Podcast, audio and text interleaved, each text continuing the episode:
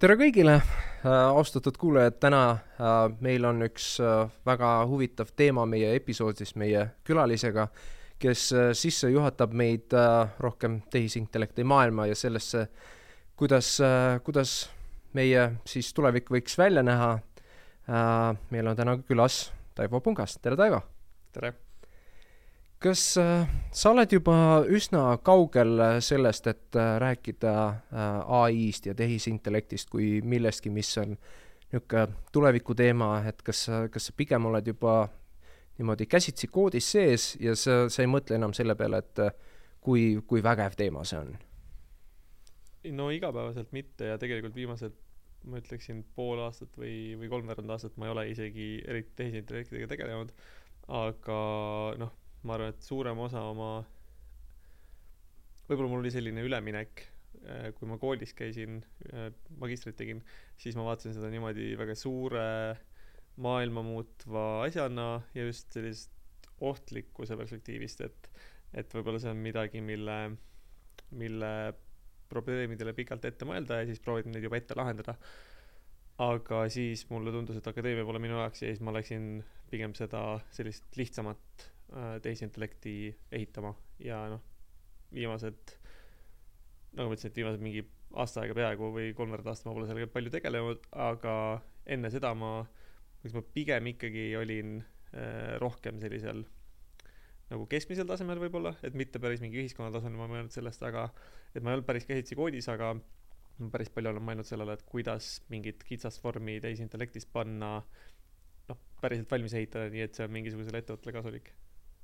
ja noh, teadaolevalt sa oled äh, mitmes startup'is üritanud nii-öelda praktilisi probleeme lahendada, et ähm, kui palju sulle tundub, et äh, noh, see on miski, mis on olnud niisugune breakthrough, et äh, noh, see on, see on midagi, mis on ettevõttele kasulik ja ilma selleta ei oleks seda probleemi saanud lahendada? no nendest kohtadest, kus ma spetsiifiliselt äh, töötasin sellise tehisintellekti komponendi kallal, mis olid Starship ja Veriff. no Starship, kogu, kogu äri on selles mõttes äh, ehitatud eeldusele, et isejuhtivad kõnniteerobotid on võimalikud äh, või piisavalt isejuhtivad, et see on odavam kui inimene on, on sõita selle robotiga või viia asju kohale robotiga äh,. Veriffi puhul see oli, ma arvan, et Veriff on, oleks väga halb äri või selline mitte mitte, mm, riskikapitalistide poolt rahastatav äri, kui seal ei oleks üldse tehisintellekti komponenti, see lihtsalt, see, see oleks väga madala marginaaliga ja mitte eriti hästi skaleeruv et noh, Veriffi puhul on see, et äh, mis, mis on see nii-öelda kõige suurem osa, mis, äh, mis tehisintellekt seal suudab ära lahendada? Kogu osa või selles mõttes, et see noh, Veriffi toode neile, kes ei tea, on sisuliselt must kast, kuhu sa paned pilti sisse ja ta annab sulle otsuseid välja selle kohta, et mm, kas see dokument on, piltide peal on dokumendid ja otsus on selle kohta, et kas see dokument tundub äh, võltsing, mis seal dokumendi peal on, mis riigi dokument see on, mis tüüpi dokument see on, äh, mis selle inimese nimi on, kes seal dokumendi peal on ja nii edasi. et see lihtsustatult on Veriffi see see verifitseerimistoode, seal on muidugi muid juppe ka, et kuidas see integreerub su ülejäänud süsteemidega, aga see on see põhiline otsus, mida, mida Veriff peab tegema. Ja tegelikult see, kui teha seda täiesti käsitsi versus täiesti automaatselt, et see, seal on päris palju selliseid alamotsuseid, et seal ei olegi nagu ma ei, ei oskakski öelda, et mis see nagu üks lihtne otsus on või üks selge nagu põhiotsus on, et seal on hästi palju otsuseid, mis sa pead eraldi tegema, et kas see on nagu tüüpi A võltsing, kas see on tüüpi B võltsing, kas see on mm. tüüpi C võltsing, kas see on, noh, võib-olla mingid, mingid lihtsamad nagu tsentraalsemad mõned on, et kas see, kas need näod lähevad kokku, aga et neid, neid otsuseid on selles mõttes kümneid äh,, ma ei tea, mingil hetkel võib-olla sadu äh,, ja sul igaühte neist sa tegelikult, kui sa tahad, et su toode oleks päriselt automaatne, et sa tahad anda ilma inimese, inimeste asjasse puutumata vastust, siis sa pead andma, andma kõigile neile otsustele automaatselt vastuse. ehk siis ai peab, see, ma kasutan ai-d tehisintellekti nagu sünonüümina, sest ma olen sellega harjunud rohkem inglise keeles rääkima, et siis see ai peab ähm,, peab suutma kõik need otsused teha ja see on see noh, see tüütu osa sellest, et sa pead nagu, sa pead kümneid eri algoritme ehitama, kümneid eri otsuseid tegema selleks, et suuta, suuta päriselt äh, äh, nagu täielikult automaatne olla seal no aga antud näites näiteks on ju, et tegemist on väga, ma ei tea, üle saja riigi dokumentide on ju põhimõtteliselt läbitöötamisega, kõige sellega, see tähendab seda, et selleks, et see ülesanne saaks ära lahendatud ai poolt, te peate tegema, ma ei tea, kas suures koguses on ju kogu seda eeltöötust ja pre-training ut ja kõike seda, et see noh, hetk, kui ta jõuab ai-sse, see on selles mõttes väga korralikult ette valmistatud, on ju, probleemi püstitus, et mida konkreetselt ta peab ära tegema, et äh, kas äh, noh, kas see nii-öelda ai äh, ei võiks nagu varem sisse tulla, et äh, me peame nii palju tegelikult selle jaoks, et ta toimiks, peame seda inim, inimtööd nagu ette valmistama. jaa, see on tõsi, et ma lihtsalt, et kuidas see asi üldiselt käib, on see, et sa pead väga selgelt välja mõtlema, mis see probleem on, mis sa lahendad, on ju, sa pead ütlema, otsustama, mis on see, mis see sisend on, mis see väljund on. sisend on, näiteks sisend on üks pilt, väljund on otsus, kas sellel pildil on äh, noh, ütleme siis vali kümne tuhande eri maailma dokumenditüübi hulgast, milline siin pildi peal on. see on selline hästi konkreetselt äh, raamistatud ülesanne. ja siis sa pead koguma endale kümneid, sadu tuhandeid näiteid selle nagu nende piltide kohta ja õigete otsuste kohta ja siis sa saad selle treenida. kui küsimus on selles, et kas me saaksime ilma seda ülesannet sõnastamata või kas me saaksime nagu selle osa vahele jätta, see tundub mulle selle, selle termini või see termin on ai complete, et see on sama raske kui, kui inimese tasemel ai ehitamine, et, et mingis mõttes, kui sa, kui sa üritad ai-d kasutada viisil, et see nagu lahendab kõik su probleemid mm, -hmm. ilma et sa teaksid, mis su probleemid täpselt on, see on noh, siis see ongi nagu siis ai täidab selle inimese rolli seal ja ma arvan, et siis on, see on äh, ai complete probleem. jah sest noh, tänapäeval on ju kõik suured ai projektid on ju, on tohutult äh, Äh, kallid, tohutult äh, keerulised nendeks, äh, noh, et, et neid andmeid kõike ette valmistada, alates noh, sa oled tugevalt, on ju, seotud kogu selle pilditöötlusega, kus on vaja kõik ära märgistada, et paljudel inimestel võib tekkida mulje, noh, need, kes ei tegele hands-on nende asjadega, et ai ise nagu leiab selle objekti äh, üles, millele on siis vaja tähelepanu tähelepanu pöörata ja siis otsustada, et kas kas mingisugune damage on seal või siis kas see nii-öelda, ma ei tea, inimese pilt on seal, et noh, paraku see ai aitab vist seda kõige viimast nii-öelda sammu äh, parandada, mis puudutabki äh, noh, lõppkokkuvõttes sellist äh, otsust vastu võtta, aga kõik see, see nii-öelda, mis selle ümber on, et tegelikult äh, tähendab seda, et me toodame töökohti juurde. jah, mingil määral, seal on sa saaksid ehitada ilmselt ai või see on, see on nagu mõeldav vähemalt, inimesed üritavad seda teha, et,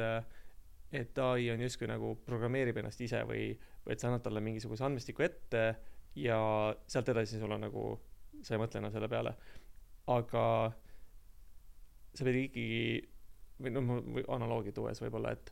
et kui sul oleks mingisugune ennast kirjutav programm või, või mingisugune süsteem, mis kirjutab ükskõik mis programmi, mis sul vaja on, siis on küsimus, kes ütleb talle, mis programmi vaja on, et see on ikkagi, see on nagu, see samm on, on vaja ikkagi ära teha.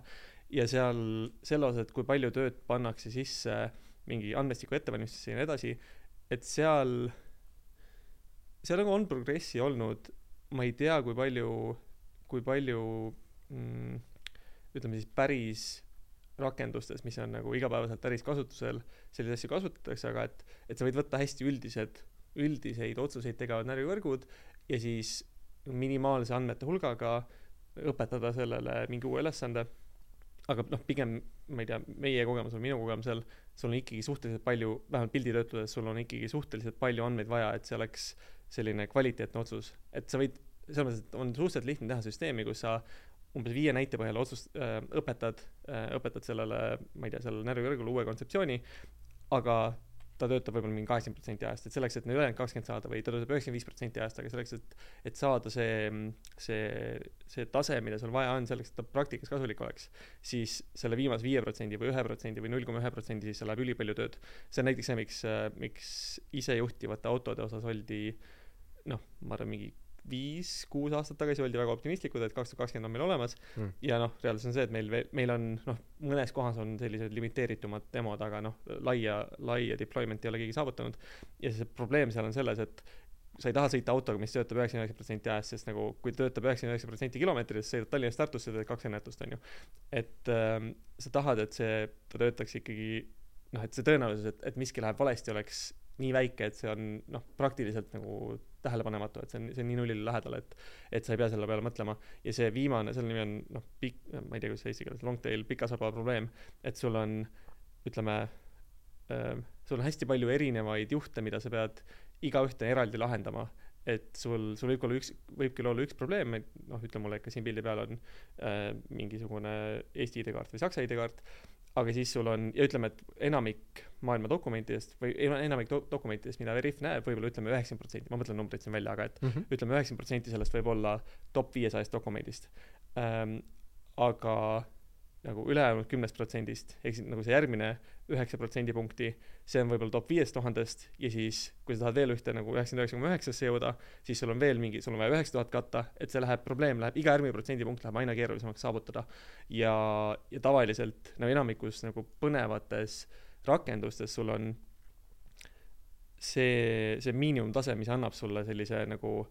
et ta ei ole enam selline nagu proof of concept või selline asi, mis näitab, et oh kui lahe, et meil on mingisugune närvivõrk töötab, see, et, et teda praktikas rakendada, sul on vaja jõuda ikkagi nagu lähedale sellele sajale protsendile, sajale protsendile täpsusele, et sul on vaja noh, peaaegu inimtasemel olla tihti. on, on mingeid kohti, kus see ei kehti, aga nagu, et see on,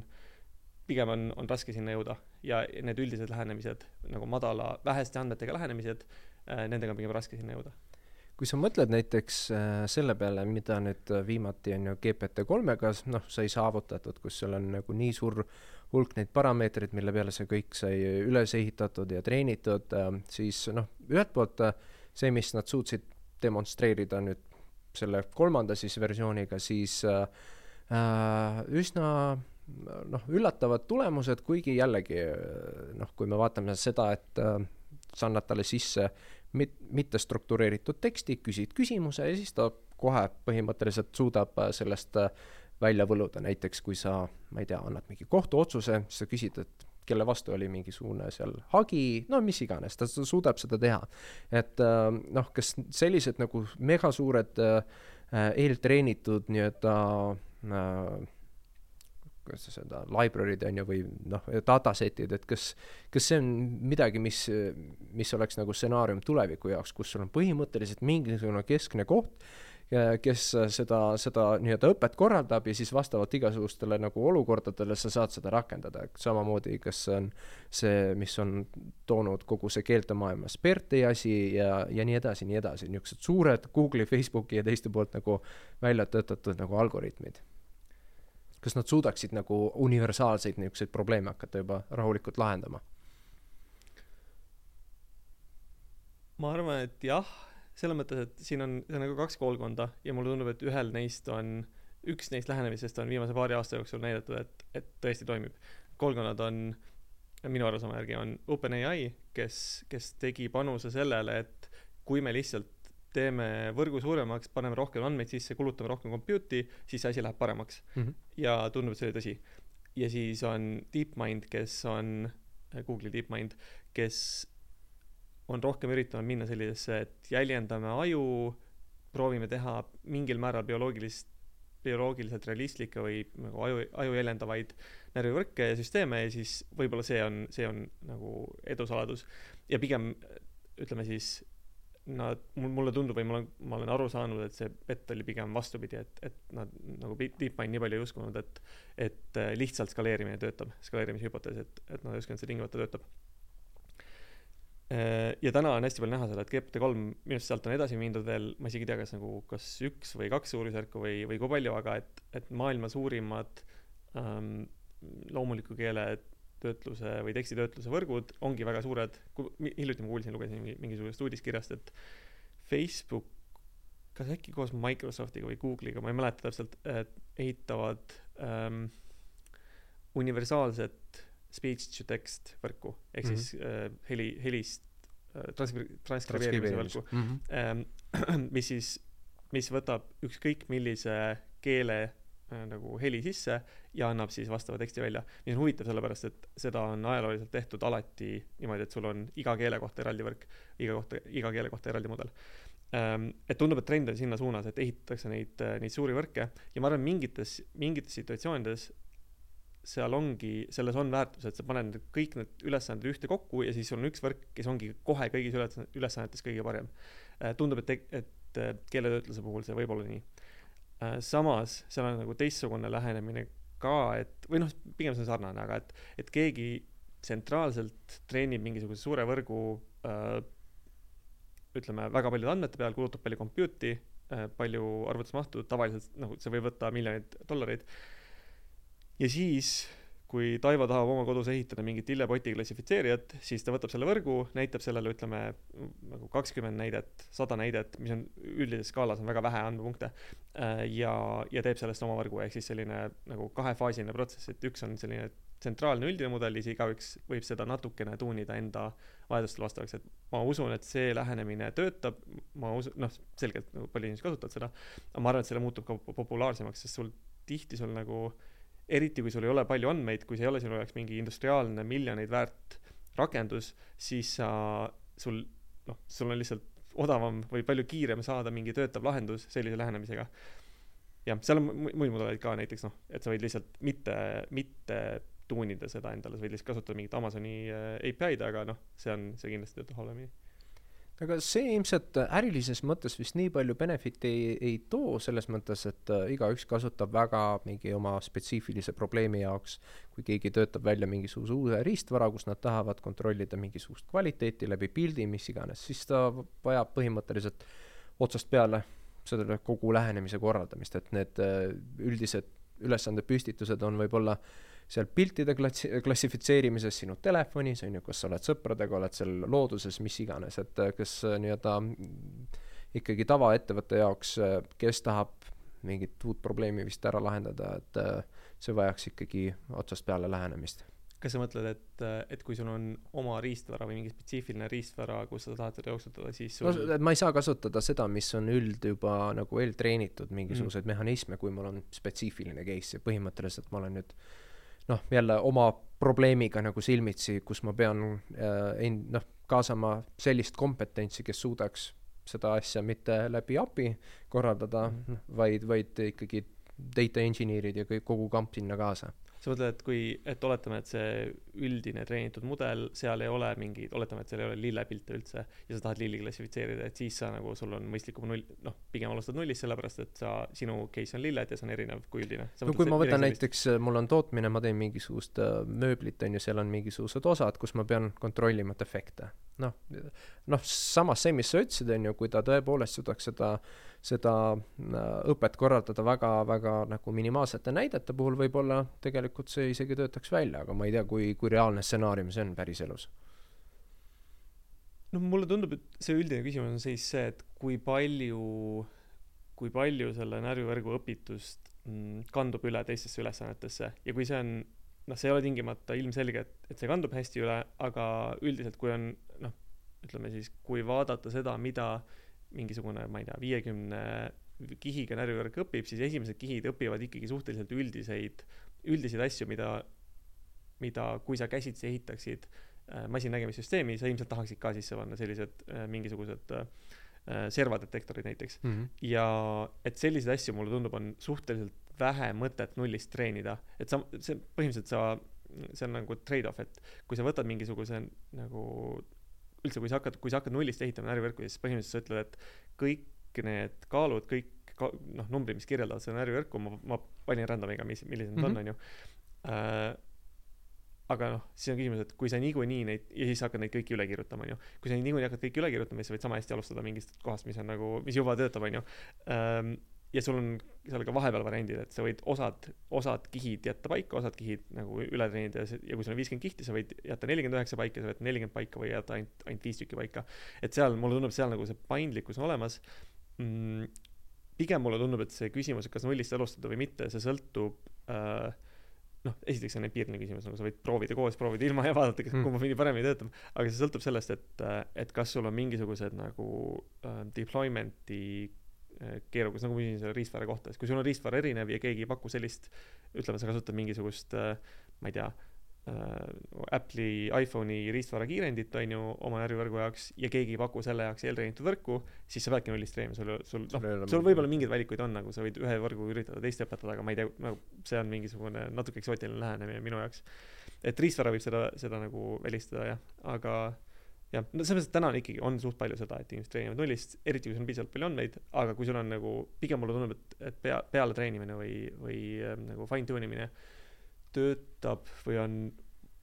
noh, sul ei ole valikut, kui sul on ainult mingi viiskümmend andmepunkti või sada andmepunkti või kakssada andmepunkti, et siis, siis see on,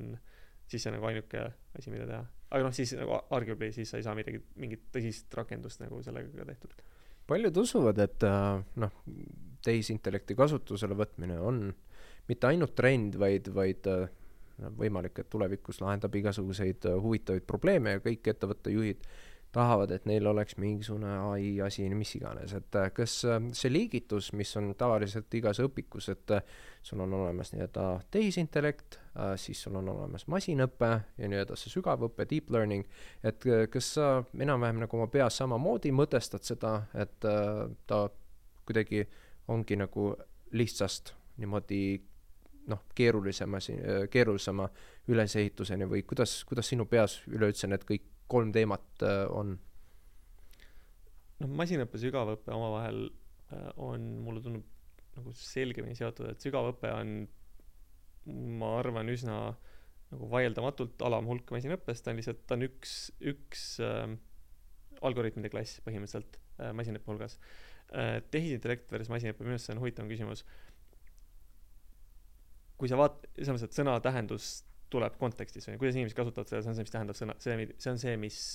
defineerib sõna, mitte see, mida Eki tahab, et see tähendaks, on ju. Mhm. Ähm, või mis iganes sõnastik tahab, et see tähendaks. ma ei tea, mida Eki ütleb, muide, aga et äh, tehisintellekt, vaadates, kuidas inimesed seda kasutavad, see on selline nagu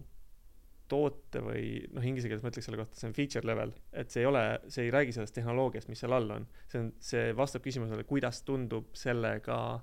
interakteeruda, see tundub intelligentne, tundub, et tal on mingisugune, mingisugune agency olemas mm, -hmm. tundub, et ta saab äh, kuidagi, jällegi ma kasutan sõna ta, on ju, et see on juba nagu, sa mingil määral isikustad seda yeah. süsteemi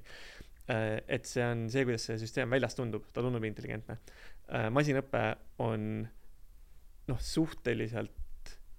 suhteliselt kitsalt piiritletud nagu hulk algoritme või hulk meetodeid, millega siis ehitada selle musta kasti sisu. aga see ei pea olema ainuke viis, kuidas seda sisu ehitada, et sul on viiekümnendatel või võib-olla oli kuuekümnendatel ehitati esimene juturobot, chatbot, mis veenis inimesed ära, et või inimesed, kes olid seda kasutanud, nad ei suutnud uskuda, et see ei ole inimene. ja see oli, noh, kui sa selle Pythonis implementeerid, see on ilmselt sada rida koodi võib-olla, võib-olla noh, kakssada, igatahes vähem kui tuhat. Ja kas need olid LSIF-id või, või põhimõtteliselt või see... mingisugune, mingisugune regex matching. Okay.. et, et seal otsiti mingisugust, mingisuguseid fraase ja, ja siis vastati umbes, et nagu ma ei tea, sa ütled tere, ma ütlen tere, on ju vastu, see on suhteliselt lihtne, aga sa ütled, et äh, mingi mul on halb tuju ja siis, ja siis see bot ütleb vastu nagu halb tuju küsimärk yeah. ja see on selline erakordselt lihtne asi, mida, selline peegeldamine on erakordselt lihtne asi, mida teha, aga tundub, see on, muide, see on selline nagu üldiselt hea vestlustehnika ja nagu, mida tihti mingid psühholoogid kasutavad uh,. aga see, see, see tundub nagu, et, et see ei saa olla ju nagu robot, kes sellist asja teeb või see ei saa olla, see ei saa olla rumal programm, kes seda teeb um,. ja seal oli noh, null tehisintellekti, null, sorry, vabandust, vastupidi, see oli tehisintellekt, null masinõpet. ja sellise näitena ka, et noh, Starshipi robotis väga pikalt, see oli enne, kui mina, mina sinna läksin juba äh, et seal pikalt ei olnud asju, mida, seal ei olnud närvivõrke kasutusel. ja noh, tänapäeval nagu masinõppe närvivõrgud on peaaegu nagu sünonüümid või inimesed kasutavad neid peaaegu, peaaegu sün-, sünonüümidena. et palju asju saab tööle panna ka ilma närvivõrkudega, ilma närvivõrkudeta, aga mingites situatsioonides nad on lihtsalt ainuke viis saavutada piisavalt hea tase. ja eriti mulle tundub siis, kui, kui sa tahad saavutada inimesel lähedast ähm, võimekust, siis sa ei suuda kirjutada programmi, mis ähm, sa ei suuda otse kirjutada programmi, mis teeb su selle ülesannet, mis sa tahad, aga sa suudad kirjutada programmi, mis õpib programmi, mis teeb selle, mida sa tahad mingitest kümnetest või sadadest tuhandest näidetest. no ma saan aru, et mm, kas see näide, mis oli seoses juturobotiga, et äh, mingisuguste reeglite läbi, on ju, et äh, tänapäeval kõik need äh, vestlusbotid sa võid teha just äh, noh, agnostilisel viisil, et põhimõtteliselt ma ei tea, kas erinevad vist viisid on, et sa annad mingisugused story'd ette, kus siis õpitakse ära, et mis on need võimalikud stsenaariumid, kuidas sa suhtled nii-öelda selle kliendiga ja siis masin ise vaatab, et mis on need keskmised vastused olnud ja no tal on vaja nagu mingisugust niisugust story konteksti saada ja siis ta annab selle välja, et põhimõtteliselt me saaks juba öelda, et see on midagi, mis töötab äh, üsna autonoomselt ikkagi täna. ma ausalt, ma ei ole juturobotitega mu viimane kokkupuude oli mingi kaks tuhat kuusteist või seitseteist aastal, kui ma kirjutasin juturoboti, mis polnud üldse jällegi nullintelligentne äh, või noh, võib-olla tundus intelligentne, aga nullmasinõpet. Sa panid sinna sisse sõna ja siis ta andis sulle vastu õssi definitsiooni sellele sõnale, et see oli noh,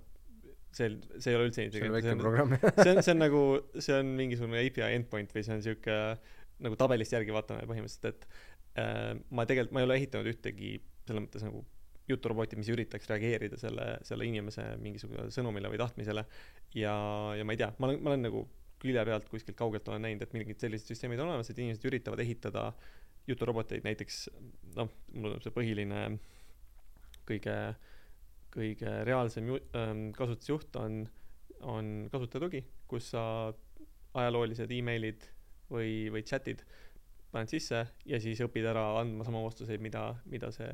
customer support andis. Või üks näide, mis ma, ma olen veel näinud, on, et kui sul on mingisugune ettevõtte äh, nagu help center, knowledge base, selline sisemine wiki, mitte, vabandust, äh, klientidele mõeldud wiki, mis vastab küsimustele, et kui sa annad selle ette, siis sealt on võimalik õppida äh,, õppida nagu mis sama hästi tähendab seda, et sa võiksid lihtsalt anda neile korraliku otsingu? No peaaegu jah, aga, seal on, seal on ka nagu tegelikult minu arust äh, juturobot ongi nagu, ta kirjeldab mitte tingimata seda seda nagu vastaspoole nagu algoritmi, vaid kasutaja liidest et mm. juturobot, sa võid, nagu mina tegin, sa võid juturobotit kasutada kasutajaliidesena sõnastikule mm., äh, aga sa võid juturobotit kasutada kasutajaliidesena täpselt sellele samale otsingule, et, et ma, ma, tegelikult see on väga hea point sul, et kui me praegu ehitaksime juturobotit, mis, mis mingi nagu, tahaksime ühe päevaga üles saada äh, nagu laivi panna juturobotit, mis mm, mis mingisugusel ettevõttel teeb äh, nagu vastab kliendi küsimustele, siis olekski niimoodi, et sa mingi see on otsing ja ta annab sulle lingi sellele, sellele abiartiklile. jah, no sest äh, tundub, et ikkagi nagu nende äh, botidega on üsna suur probleem, sellepärast et äh, see, kuidas inimene annab oma sisendi, on problemaatiline, et vaatamata sellele, et kui sa kirjeldad selle kogu ilusti stsenaariumi ära, siis kõik need igasugused kirjavead lihtsalt löövad selle asja kogu nagu noh, nulli. Äh, kuigi noh, ma vaatasin, et Uber on saanud hakkama selle ülesandega, kus nad näitavad sellist näidet, et neil on I am, et äh, I am Washington you, nad saavad sellist tekstisisendit. ja mis nad teevad, no tähendab, seal on autokorrekti viga hmm. ja siis äh, selle asemel I am waiting you seal on I am Washington ju. Mm.. ja siis äh, noh, mis nad on suutnud, noh, seal on nagu multilevel igasugune süsteem, nad äh, üt-, ütle-, äh, tähendab, otsivad läbi nende vektorite igasugused nii-öelda sarnasused sama, sama nii-öelda noh, päringu stiilis ja kuidagimoodi võluvad välja, et see on see intent. Et mm -hmm. aga seal on nagu mitu-mitu nagu seda layer'it, noh, tundub, et vähemalt inglise keeles keegi, noh, paratamatult muidugi Uber on nagu suur ettevõte, neil on olemas ka eelarve selliste äh, projektide jaoks, aga kõik teised tegelikult üsna jäävad sellest mängust välja, mis puudutab eriti eesti keelt, ma kujutan ette, et äh, meil nii palju, kui ma olen uurinud äh,, ikkagi naturaalkeele töötlus on üsna äh, noh, praktiliselt ei eksisteeri, keegi on, keegi on Pythonis proovinud, mitte proovinud, vaid ka ära teinud äh, äh nii-öelda mm, selle naturaalkeele vist oli NLTK nii-öelda selle äh, library ja, ja sinna enam-vähem see kusagile jäi, sest need chati lahendused kasutavad ju noh, alguses ju võtavad sul teksti lahti, vaatavad, mis käänes, mis iganes vormis need on, nad loovad sellele tekstile metastruktuuri, noh põhimõtteliselt see tähendab seda, et peale selle, et sul on sisend, sul on vaja kogu see lingvistika korda saada. ja siis me põhimõtteliselt oleme jälle sama noh, enam-vähem nagu manuaalse töö juures, kus noh, kus me ei saa ikkagi mingisugust raw datat anda sisse kuskile algoritmi, mis suudaks noh, midagigi sellest välja mõelda. nii et otsing oleks vähemalt mingisugune variant, vähemalt eesti keeles ma kujutan ette. muide, millal sa viimati kontrollisid või millal sa viimati otsisid selle kohta, et mis need eestikeelsed no, naturaalkeele yeah.? tead, üsna hiljuti, et uh, üks uh, Stanford NLP nii-öelda uh, seesama teek on ju, seal nad lisadi, lisasid eesti ka, eesti keele ka, aga mis on jube aeglane. aga noh, see võimekus on ikka väga-väga nagu algtasemel, aga ma ei tea, kas sa tead sellest rohkem? sest minu meelest on viimase, ma arvan, et see ongi umbes aasta jooksul on, on päris huvitavaid asju juhtunud, et Tartu Ülikoolis Mark Fischeli grupp, kes on keeletehnoloogia professor mm, -hmm. nad on, ma ei mäleta nüüd, kas, kas GPT kaks või mingisugune väiksem mudel, mille nad treenisid eesti keele noh, genereerivaks mhm. mudeliks mm, on ju, neil on demod üleval, kui sa guugeldad mingi keeletehnoloogia grupp, siis sa ilmselt le leiad need üles mm. -hmm. ja nad on, nad, nad on nad on üles laetud või pandud ka Hugging Face'i, et sa saad neid nagu kergesti vist ähm, nagu see on huvitav, sest ma tegelikult siin vist kuu aega tagasi vaatasin, et seda mudelit, noh, tähendab mitte midagi okay., mis oli eesti keelega ei olnud saadaval. okei okay., aga igatahes nad, võib-olla mitte, aga, aga nad, nad arendavad Vaikselt seda ja mu, jah, ja ma just mingi sõbraga rääkisin just, ma arvan, et see oli paar kuud tagasi sellest, et ja ma soovitan talle, talle seda uurida. pluss nad on mingisuguseid mudeleid, äkki see oli see oli speech to text mudel, ma ei mäleta, kas sellest grupist, aga vot see, seda, see on olemas. see on, see on olemas jah, ja siis mm. neil on, kuskil on mingisugune Docker image ka, mida saab nagu saad ise mm., ise üles panna. Äh, ja siis, mis minu meelest väga mõistlik lähenemine riigi poolt, et, et riigil, ma ei tea, kas on plaanis või juba töös põhimõtteliselt sellised tsentraalsed keeletöötluse nagu paketid teha, et siis teised saaksid sinna otsa ehitada, et, et see nagu töö selle suunas käib, et ja, ja nagu,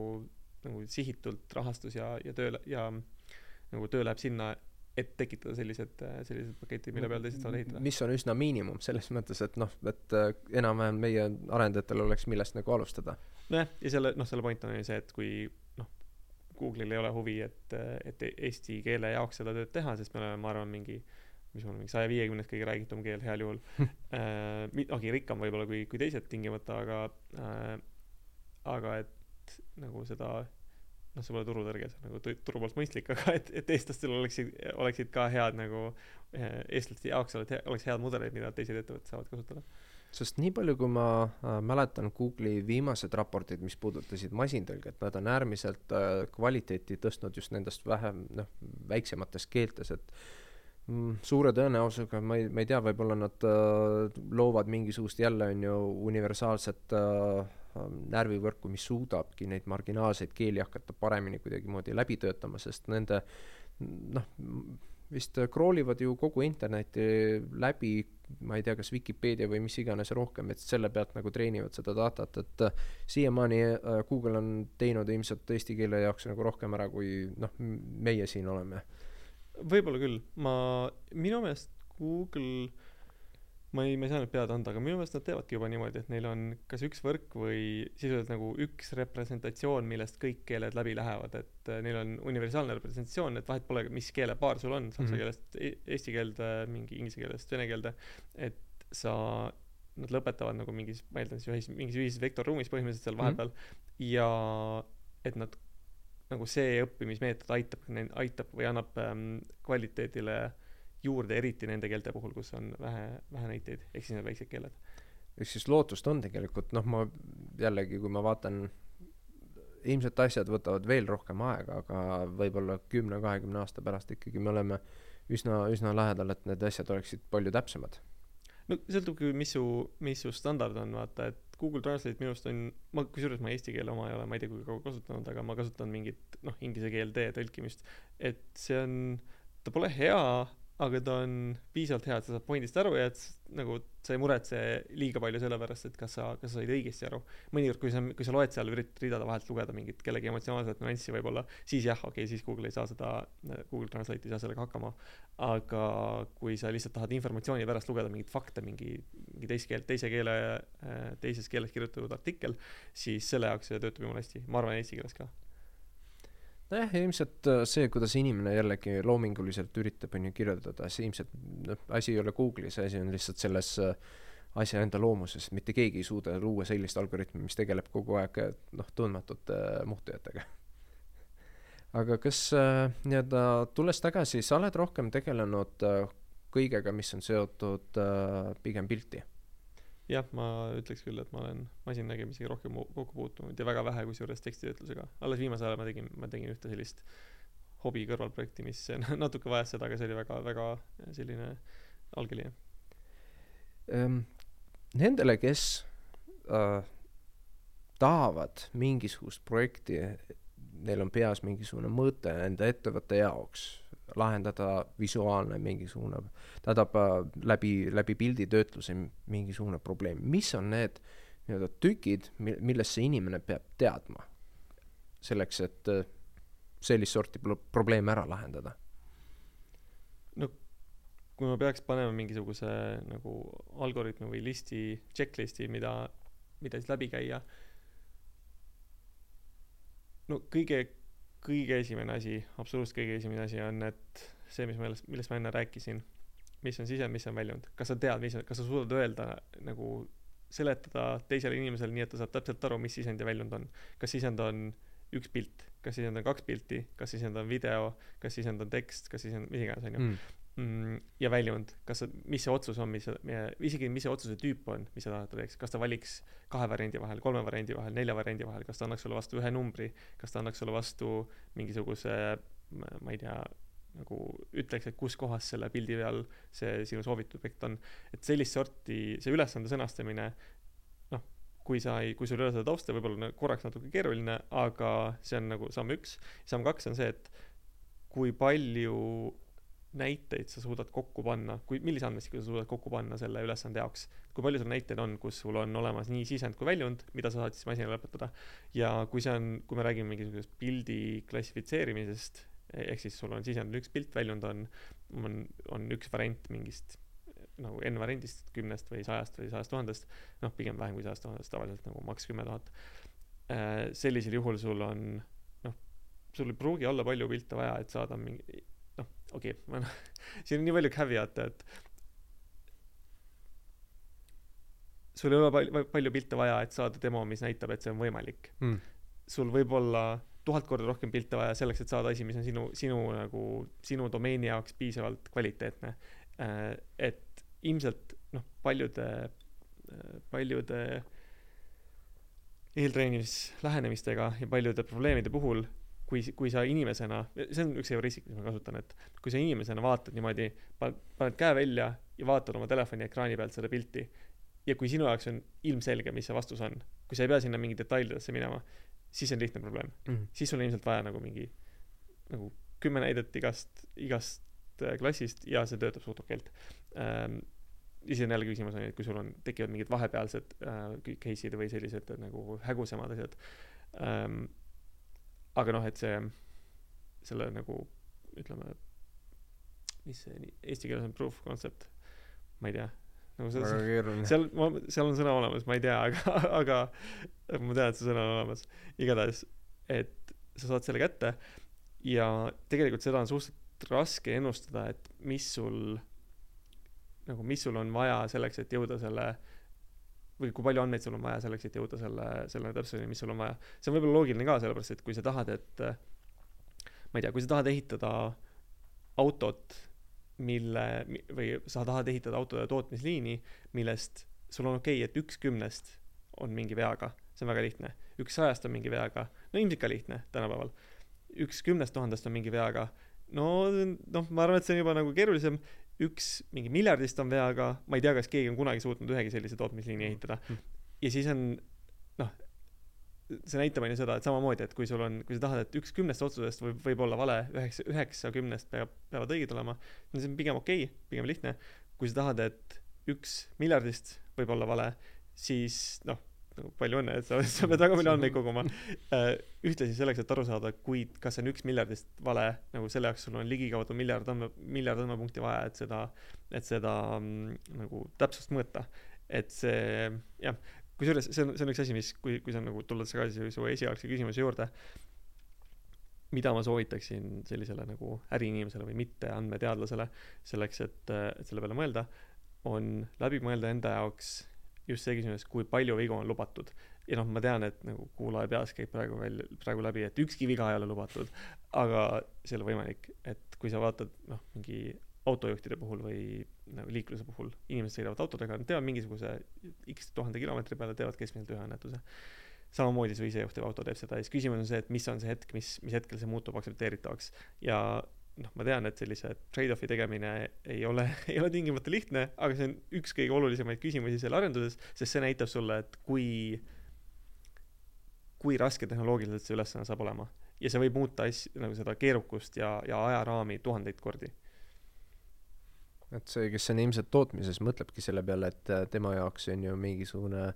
kümme protsenti error rate on nagu liiga palju. Jah no kümme protsenti on ilmselt palju, aga samas see nagu kümme protsenti, ma arvan,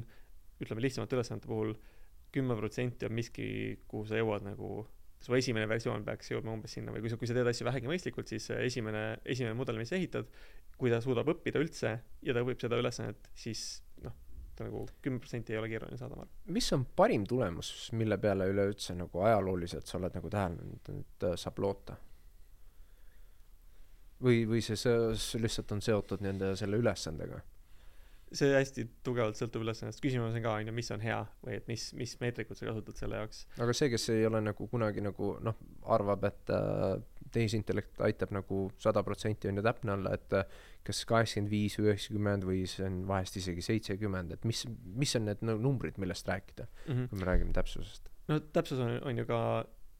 ta meetrikuna või mõõdikuna töötab ainult mingit sorti ülesannetele, kui sa ütleksid, et, et kas ma olen, mitu protsenti hea juht ma olen või mm. mitu protsenti hea juht see inimene on või mitu protsenti hea, hea juht see isejuhtiv auto nagu tänane versioon on, see, sa oskaks seda öelda või see, see protsent otseselt ei ole õige viis seda mõõta ilmselt, aga seal need, need nagu ankrud võib-olla on tihti, üks, üks hea ankur on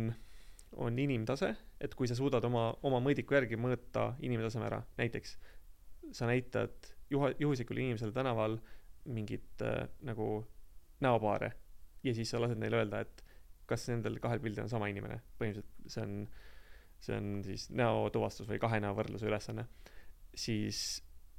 jällegi ma võtan seda nagu peast võtan neid numbreid, aga ma arvan, et inimesed ütleksid seda mingi nagu kümnel juhul tuhandest võib-olla paneksid valesti mm., võib-olla vähem. ehk siis ühel, ühel sajast, alla ühe protsendi, ma arvan, et teeksid vigu. ja siis, kui sa oled selle ära mõõtnud enda jaoks või sa tead, noh, mingil muul viisil, et mis see inimeste tase on, siis see annab sellise nagu,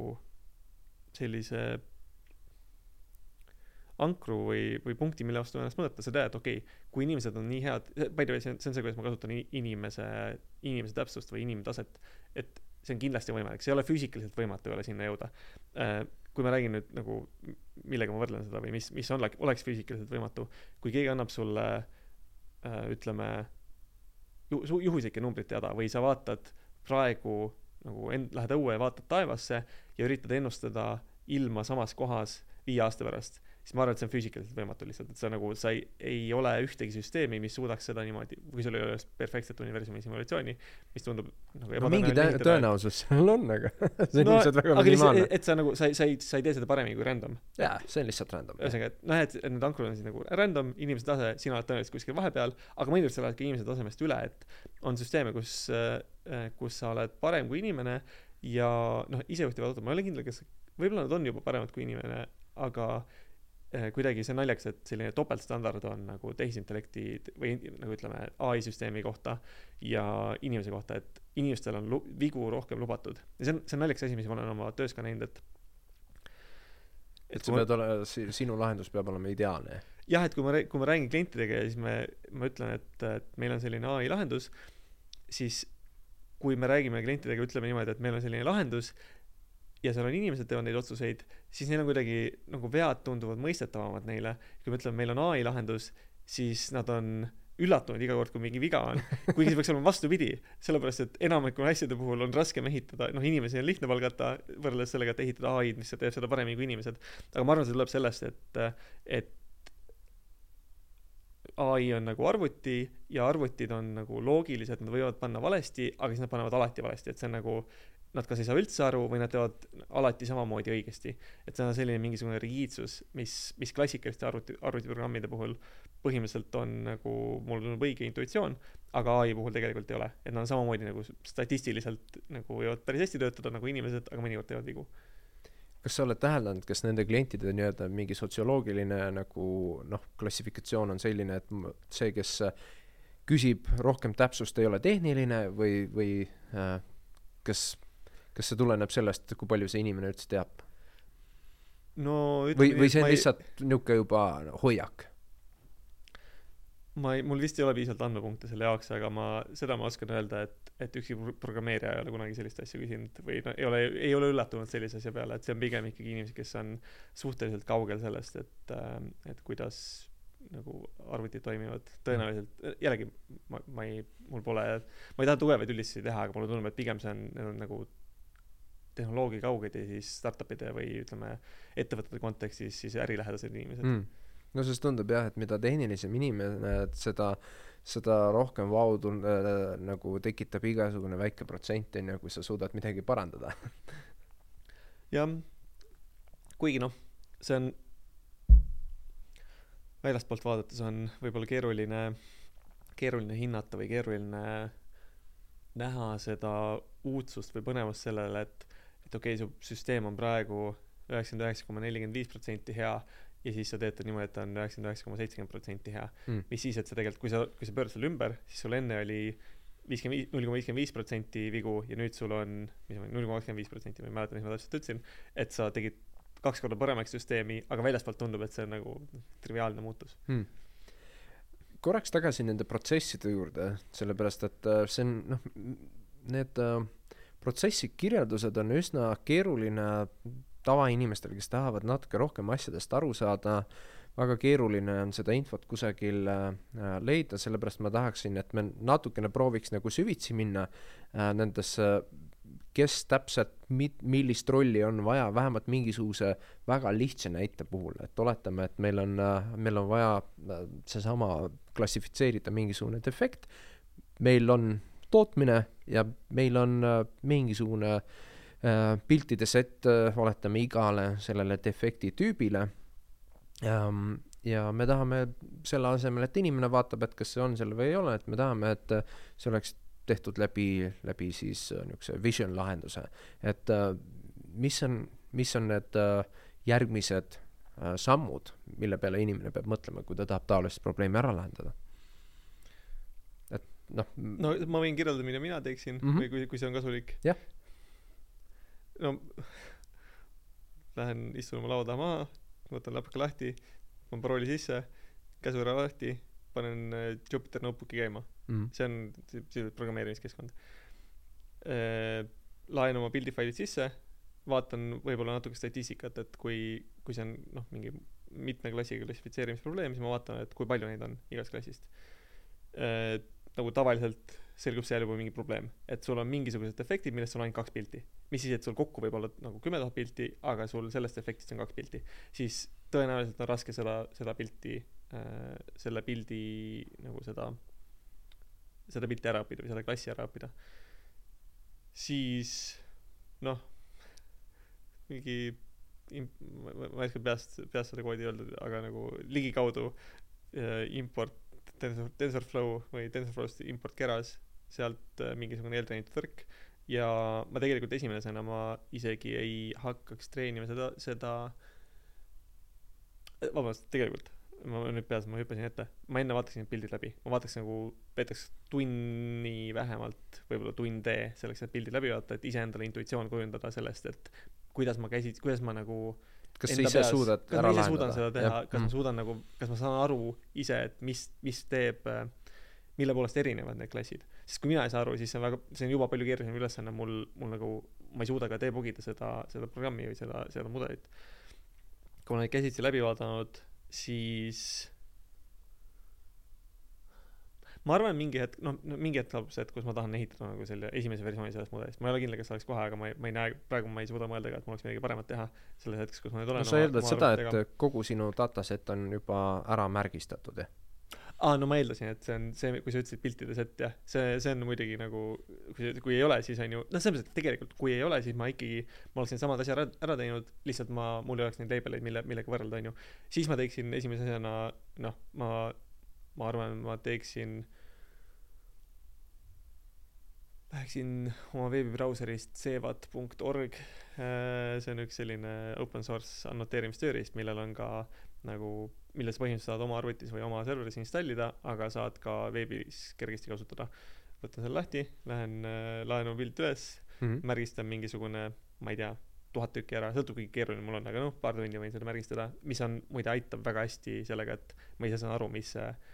on. Ja tegelikult selle märgistamisprotsessi käigus oletame et see asi algas sellest et nagu boss ütles mulle et sellist süsteemi on vaja siin on pildid. Siis ma nagu ja mul ei ole selge mis need klassid on üldse või kuidas ma peaksin selle selle ontoloogia üles ehitama mis mida ma ennustan. Nagu kas ma ennustan niimoodi et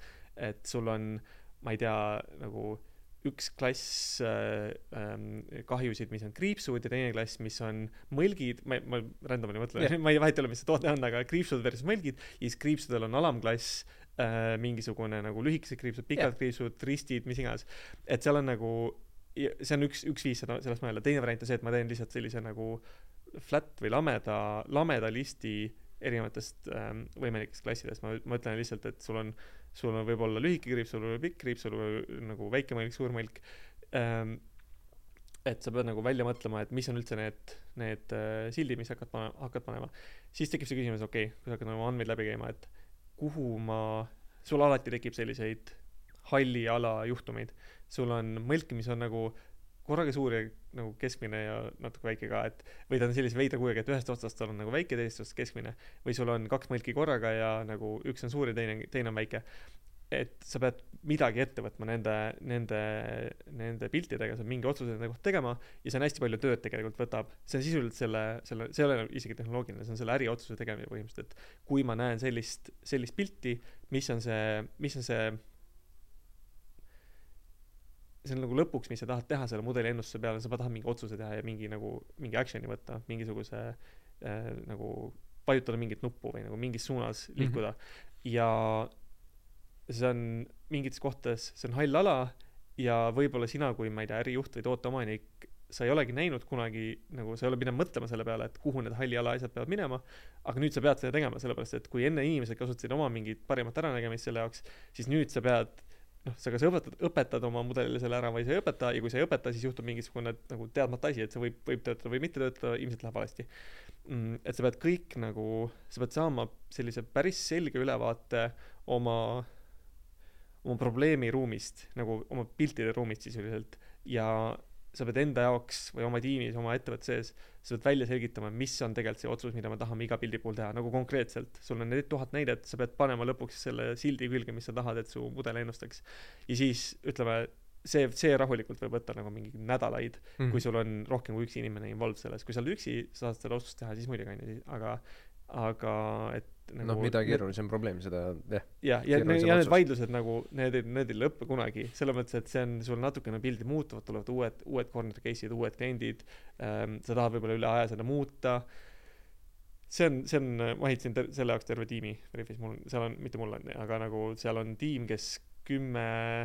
umbes kümme inimest, kes põhimõtteliselt sellega tegelevad nüanssidega, jah, nad selles mõttes, nad, nad teevad neid otsuseid ka,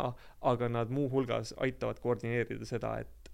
ettevõtte sees oleks võimalik need otsused ära teha võimalikult kiiresti mm. nagu libedalt ja nii jah, ja sellega võrreldes on nagu selle mudeli ehitamine, mudeli treenimine jumala lihtne ülesanne, et et see mudel, nagu me enne hakkasin rääkima, et, et sa ehitad mingisuguse nagu võtad mingisuguse eeltreenitud mudeli Kerasest nagu jooksete oma pildid sealt läbi minu esimene lähenemine poleks isegi seda nagu noh sa võid ka e-, e seda nagu teha niimoodi et sa fikseerid kõik eelmised kihid ja ainult viimast kihti muudad või treenid. Aga nagu sa võid sama hästi sinna mingisuguse äh, scikit-learn'i pipeline'i peale panna. Et see on noh tehniliselt detailid aga põhimõtteliselt sa teed nagu väga kiiresti esimese versiooni oma mudelist ja siis ürit- noh siis sul läheb nagu jälle tunde või nädalaid et aru saada et kas see õppis äh, asja, õige asja ära, kas ta õppis selle ära, õige asja ära nagu kogemata, kas sa, kas sa tegid kuskil mingisuguse näpuka, et sa andsid talle kõik õiged vastused ette mm., et seal on hästi palju selliseid nagu äh,, nagu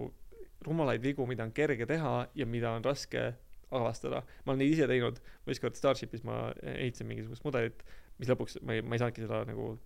ma ei suutnud ehitada head mudelit.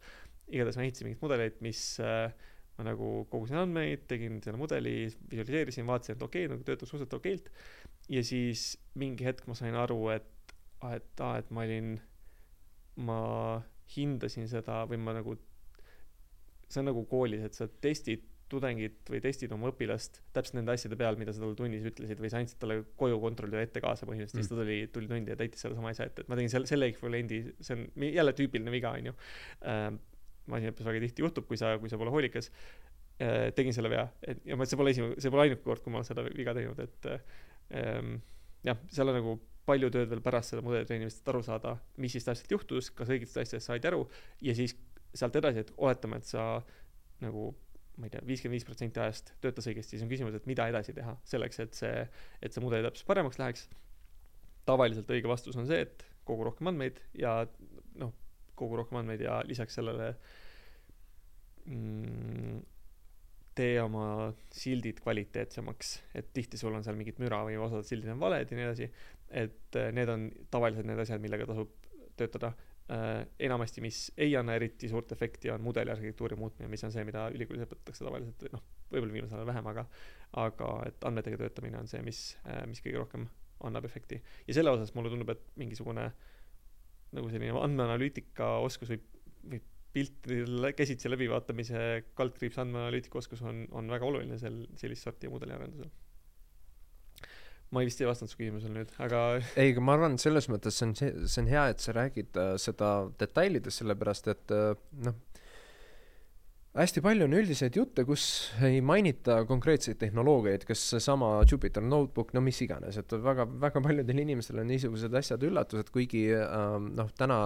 sa ei pea olema väga suur andmeteadlane, et mingisuguste instrumentidega tegelikult mängida, juba proovida, sest nii palju äh, tegelikult neid äh, noh, eeltööd on sinu jaoks juba ära tehtud ja nad on kõik juba online ja mis iganes, sa ei pea selle, selle jaoks mingisugust enda serverit püsti panema. Äh, kas sa arvad, et see on halb mõte äh, ettevõttele, kes ei oma kompetentsi nii-öelda tehnilisest äh, nii-öelda maailmast äh,, kas tellida või hakata töötama sellise toote kallal? no ma ei, ma ei taha öelda midagi mingit, ma ei taha anda sellist laia soovitust, et kindlasti kõigil nii alati on, aga ma arvan, et vastus küsimusele on jah, ma arvan, et see on halb mõte. et lihtsalt tõenäoliselt, kui sul nagu kui kogu su ettevõttes sul ei ole inimesi, kes isegi suudavad mingit lihtsamat veebilehte ehitada äh, asjadega, mis ei ole, ütleme, Squarespace või selline mingi koodivaba äh, editor. nagu see on suur tõenäosus, et sa lihtsalt paned täiega pange oma kogu projektiga ja ma arvan, et sa, selles mõttes, et kõige tõenäolisem on see, et kui sa üritad seda ise ehitada, siis mis juhtub, on see, et sul mm, noh, sa lihtsalt ei jõua kuhugi, sa lihtsalt nagu see on nagu nat-, natuke mängid ringi võib-olla ja nagu leiad, leiad pildid, aga mingi, mingis punktis see, sa jääd kinni uh,. võib-olla sa saad kuskil mingisugust, mingite no-code tööriistadega esimese versiooni tehtud, aga siis on ebaselge, et mida edasi teha uh,. ma arvan, et põhimõtteliselt see ei ole võimatu, nagu ma arvan, et on võimalik kasutamata uh,, ütleme, ilma oskamata programmeerida, on võimalik ehitada masinavõtmu mudeleid ja kasutades õigeid tööriistu nagu see on isegi kerge, võib-olla kiirem kui, kui nagu liiga palju koodides, aga ma lihtsalt arvan, et enamik inimesi, kes nagu, keda sa kirjeldad, nad ei ole need inimesed, kes, kes seda nagu, kes seda teevad. No ma kujutan ette lihtsalt väga suurel osal inimestel on nagu mõtted, on ju, et võiks midagi proovida, aga, aga vähesed nendest, noh, see, mis sa praegu tõid näiteks, juba, juba tähendab seda, et asi läheb, noh, päris kiiresti käest ära tegelikult jah, ma, ma võib-olla täpsustan oma nõu, et ma, ma arvan, et see on väga mõistlik asi, mida teha selle nagu katsetamise mõttes või kui sa ei ole kunagi seda teinud, siis proovi nagu võtta endale väike eesmärk. ma tahan ehitada, ehitada mingisuguse mudeli, vahet ei ole, kuidas, vahet ei ole, mis see nagu, mis tehnoloogia või meetod on, aga tahan ehitada meetod, mudeli, mis nagu eristab mingit banaani apelsinist, on ju. ja siis nagu küsime, kuidas sa seda teed. Ja kui sa, kui sa nagu selle protsessi oled korra läbi teinud, sul on juba palju selgem arusaam sellest, et kuidas see käib, mida sa tahad, on ju, et, et mulle tundub õppimise mõttes see on väga hea mõte ja selle jaoks, noh,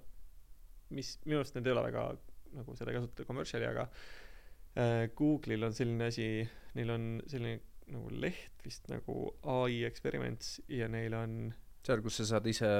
näidata onju Sa mingisugust objekti ja siis jah just. mm -hmm. sa näitad veebikaamerast objekti ja siis äh, siis sa õpetad justkui ai-le selle selle kaudu. See on väga lõbus asi mida teha ja ma nagu ma soovitan seda katsetada. Äh, ja siis teine on see on siuke äpp minu meelest ma ei tea kas Windowsil ka aga Macile kindlasti on Lobe lobe lobe.ai mm. ja see on üks startup mille mingi kolm aastat tagasi või neli suht suht ammu Microsoft ära ostis aga nad ikkagi nagu sõltumatult opereerivad ja ehitavad sellist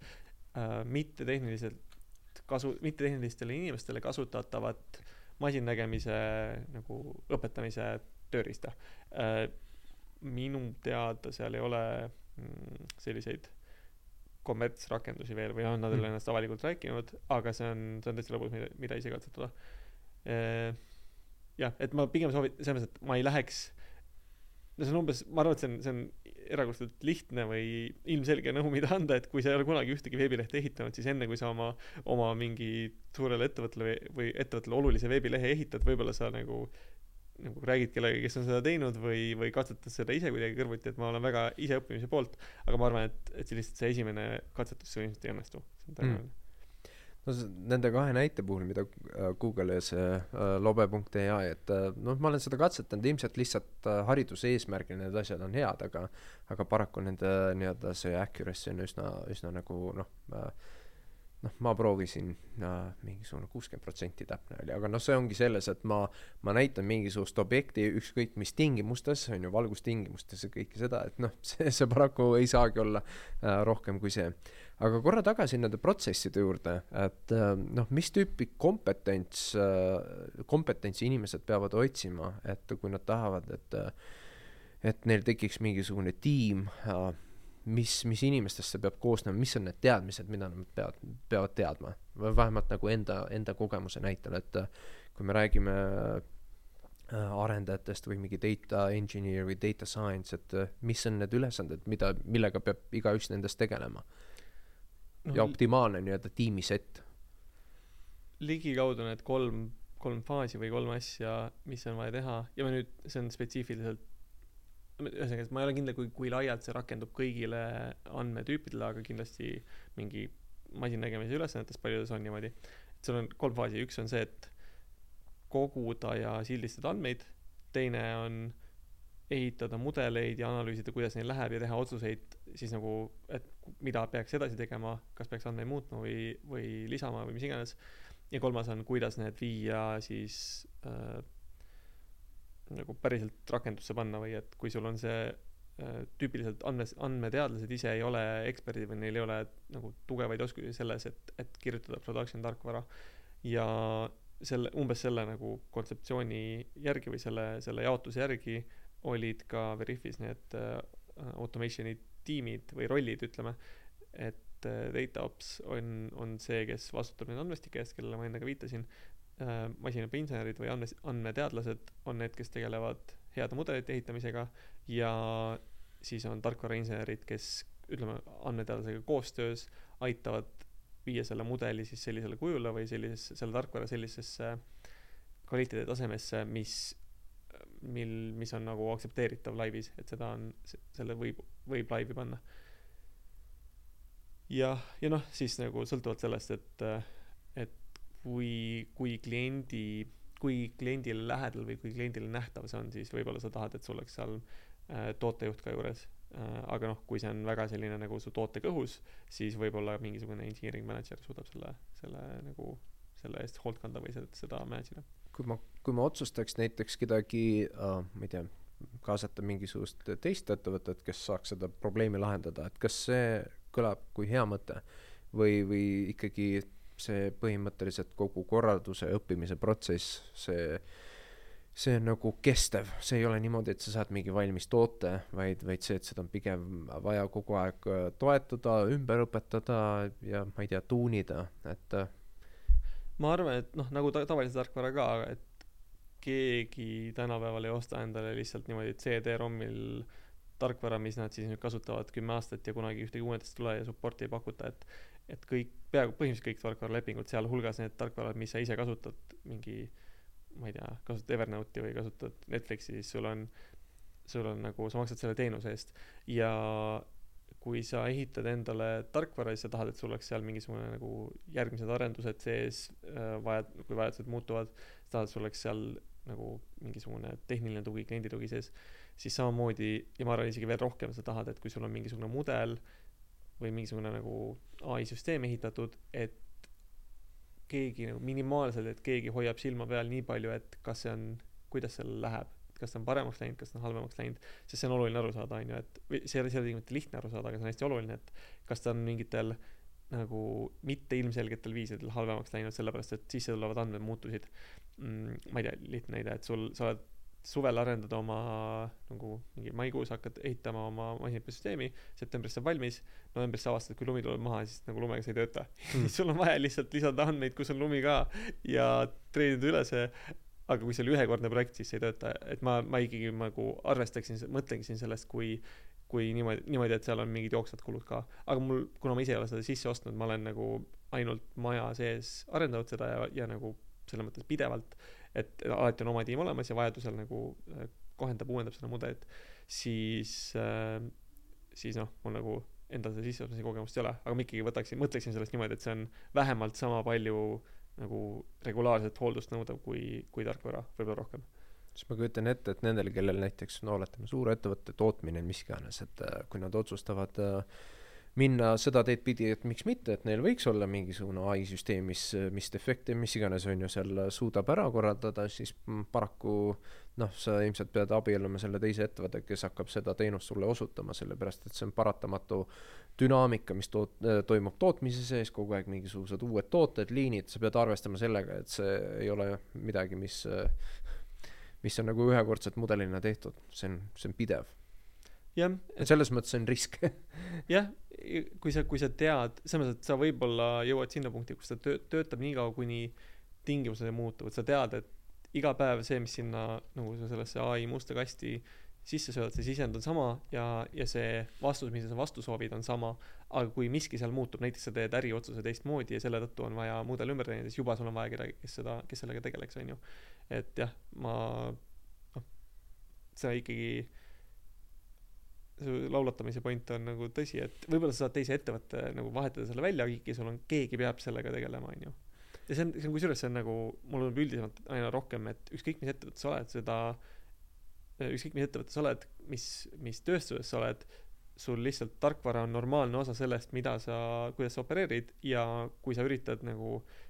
ilma maja sees kompetentsi omamata jooksutada oma mingisugust, ma ei tea, panka või tööstusettevõtet või, või mingit, ma ei tea, kaevandamisettevõtet, siis tõenäoliselt tuleb keegi, kes suudab tehnoloogiat piisavalt hästi ära kasutada, et seda teha sinust paremini et mulle tundub, et meil maailm üldiselt, kõik ettevõtted liiguvad aina rohkem sinna suunas. ja võib-olla noh, ai-ga me päris nii kaugel ei ole, aga üldiselt tarkvaraga küll hmm. jah, sest tegelikult noh, praegu oleme üsna kummalisus kummalisus, kummalises seisus, et äh, iga noh, keskmise suurusega ettevõte peab mõtlema selle peale, et kuidas enda tarkvara ära korraldada, aga tegelikult seda kompetentsi on nii vähe, et, äh, et see on, see on üsna, üsna tugev risk, et ähm, ma ei ole kohanud ettevõtet, kus see ei oleks nagu probleem, rääkimata sellest, et äh, tarkvaraga mingisugust innovatsiooni luua, aga see, et äh, sa selle asemel, et sa oleks nii-öelda selle põhitegevusega, nüüd sa pead olema ka tarkvarafirma, mis, äh, mis tähendab seda, et sa pead tegelikult noh, kogu oma mõttekorralduse tegelikult ümber muutma, sest tarkvara ei ole võrdväärne, et noh, kõikide teiste protsessidega tarkvara on keeruline, vajab järjest rohkem keerulisi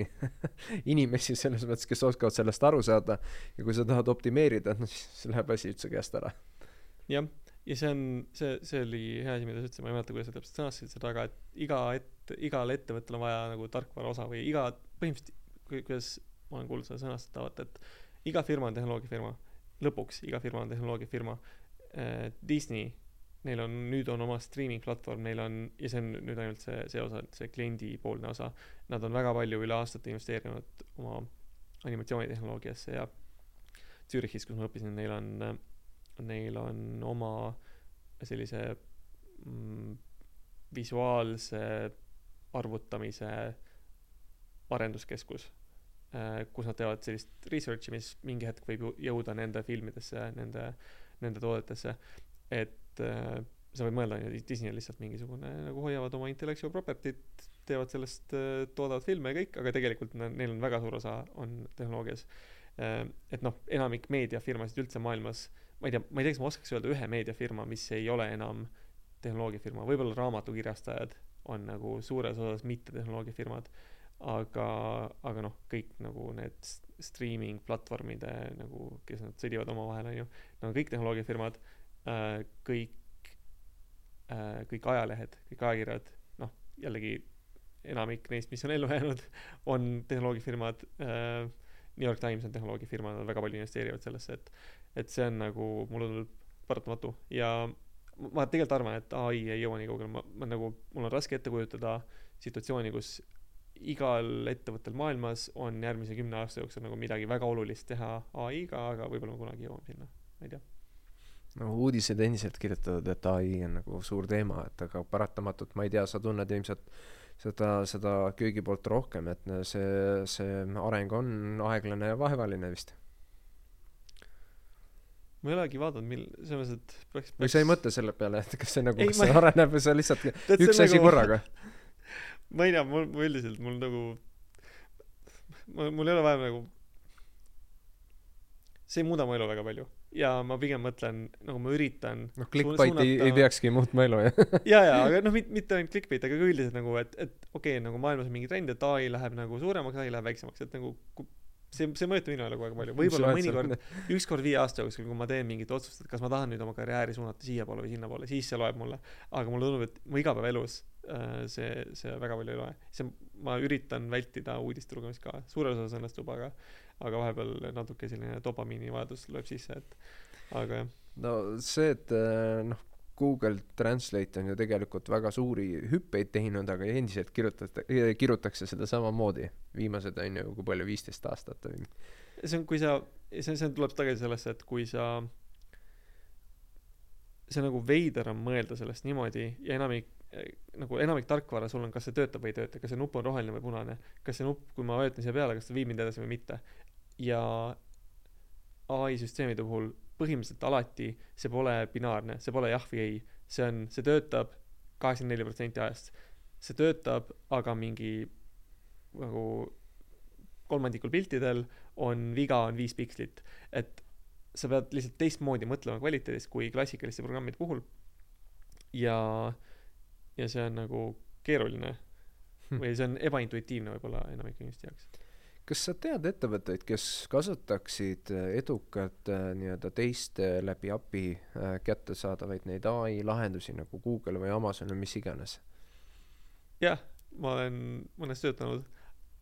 Et kas see on- nagu semi-automated või või nagu ongi lihtsalt võetakse mingisugune valmis lahendus et kas need asjad toimivad? Sa mõtled et kui kui ma nüüd lähen ma tahan midagi ehitada siis kas ma integreerin Amazoni asja et kas seal on kuskil inimesed taga või? Või mis mõttes? Ei lihtsalt see et neil on olemas on ju kas mingisugune object detection või mingisugused muud on ju noh need teenused juba saadaval ja siis äh, nad suudavad juba neil on ette juba määratud kategooriad nad on ise juba suutnud mingisuguste andmete peal treenida neid asju ja siis äh, noh üsna suure osa enda peale ära teinud et kas kas sellised asjad on nagu turul ka nagu kasutuses või see pigem nad näitavad et aa meil on sellised tooted. Mit- mitte Ma nii ma ei mõtle nagu Amazoni nii-öelda mingisugust äh, SageMakerit on ju ma mõtlen puhat puhtalt seda teenust mi- mingi spetsiifiline. paned pildi sisse annab otsuse vastu. Jah. Äh, ühesõnaga sa küsisid kas äh, kas inimesed kasutavad seda ja kas sa oled näinud et see on nagu olnud tulemuslik ettevõttel selliste lahenduste kasutamine? Ja mm, neid kasutatakse. Aga seal on see seal on nagu põhimõtteliselt trade-off et kui ta on hästi üldine siis ta nagu si- kui sinu ütleme ma võtan konkreetse näite. Kui sa tahad teha tekstituvastust et sul on sa annad pildi sisse ja see API endpoint annab sulle vastu et kastid ja ütleb selle kasti sees mis on need need äh, tähed mis seal sees on. Ähm, noh võib-olla ma ei tea teed tänavast pildi ja sa tahad lugeda tänavasilte või sa teed äh, raamatus pildi tahad luge- lugeda kõik read sisse siis Amazonil nä- näiteks ja Google'il ja noh ilmselt paljudel teistel on selline API olemas.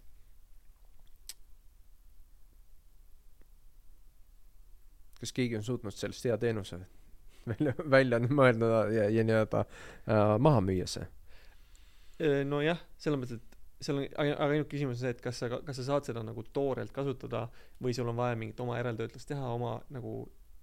ehitada sinna peale mingeid juppe. Ma arvan et mingitel juhtudel see on piisavalt hea et näiteks tekst ähm, speech to text. Mm. et seal on päriselt niimoodi et sul on need suured pilveteenuste pakkujad, neil ongi kõige parem mudel, Google'il minu teada ongi kõige, üks kõige paremaid speech to text mudeleid ja sa saad seda väga madala hinna eest kasutada, sul ei ole mõtet enda oma ehitada.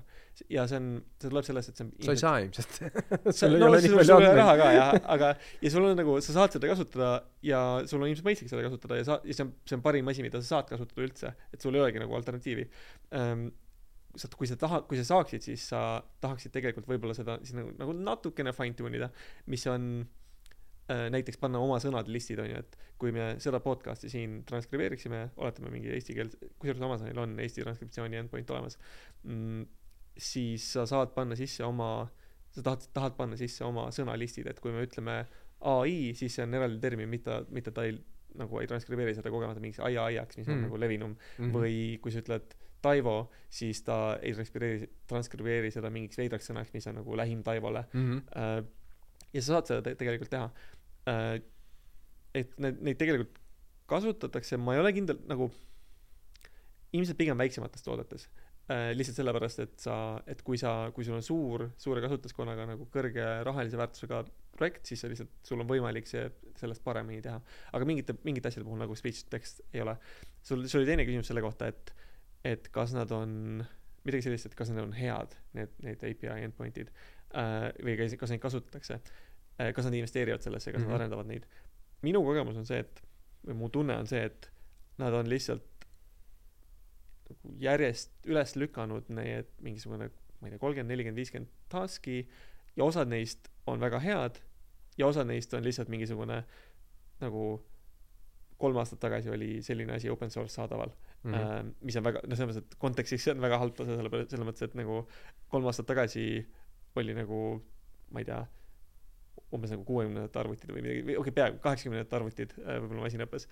et, ähm, et see on nagu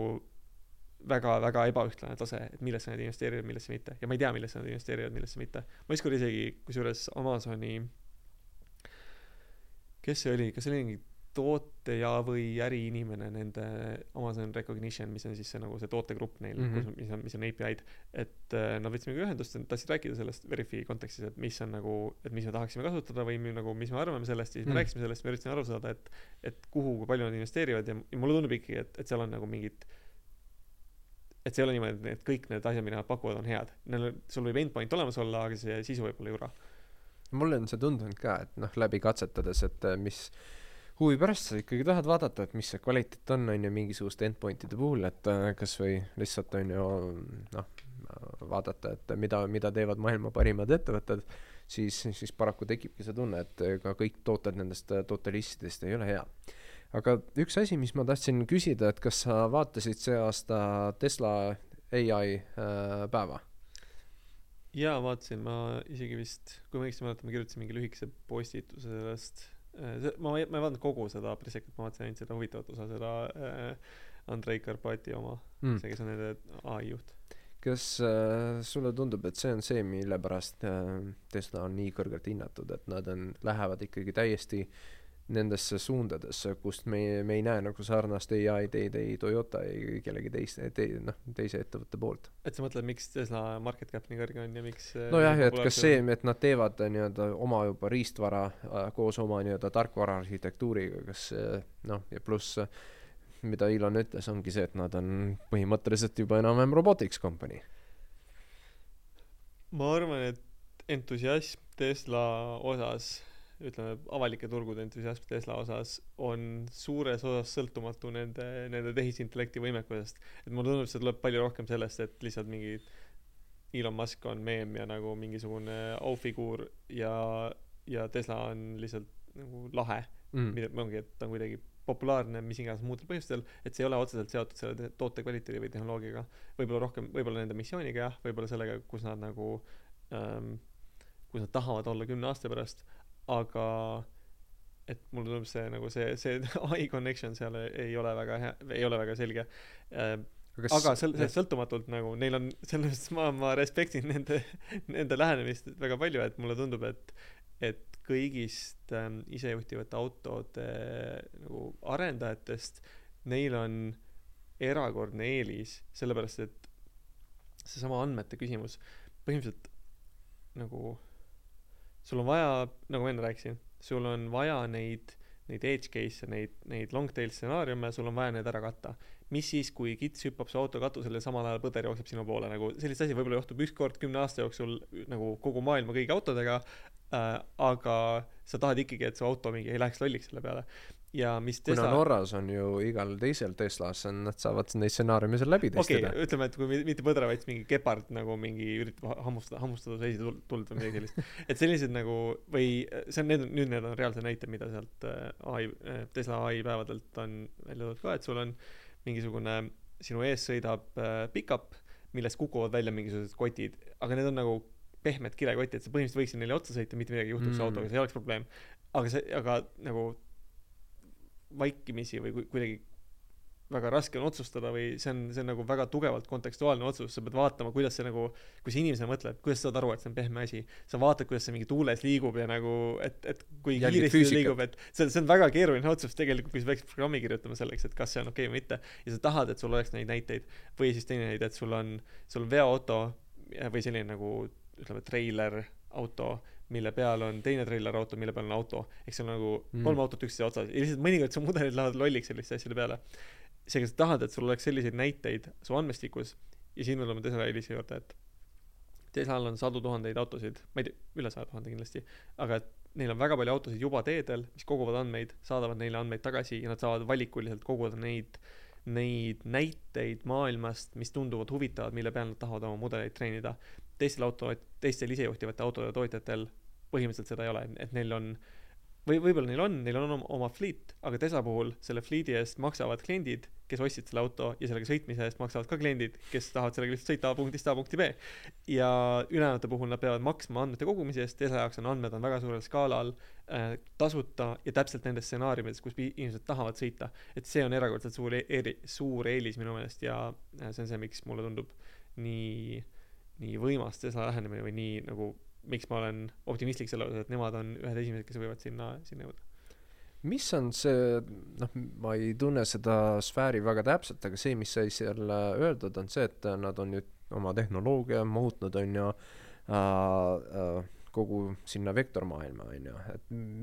milles täpselt see, see nii-öelda vahe seisnes, et nad nüüd äh, vektorruumis koguvad kogu, kogu andmeid, mis, mis nad tegid enne siis? aa, ma ei, ma ei tea, mida, ma ei oska seda. no neil, neil oli see, see osa, et, et, et neil on nüüd vector space, et kui nad äh, enne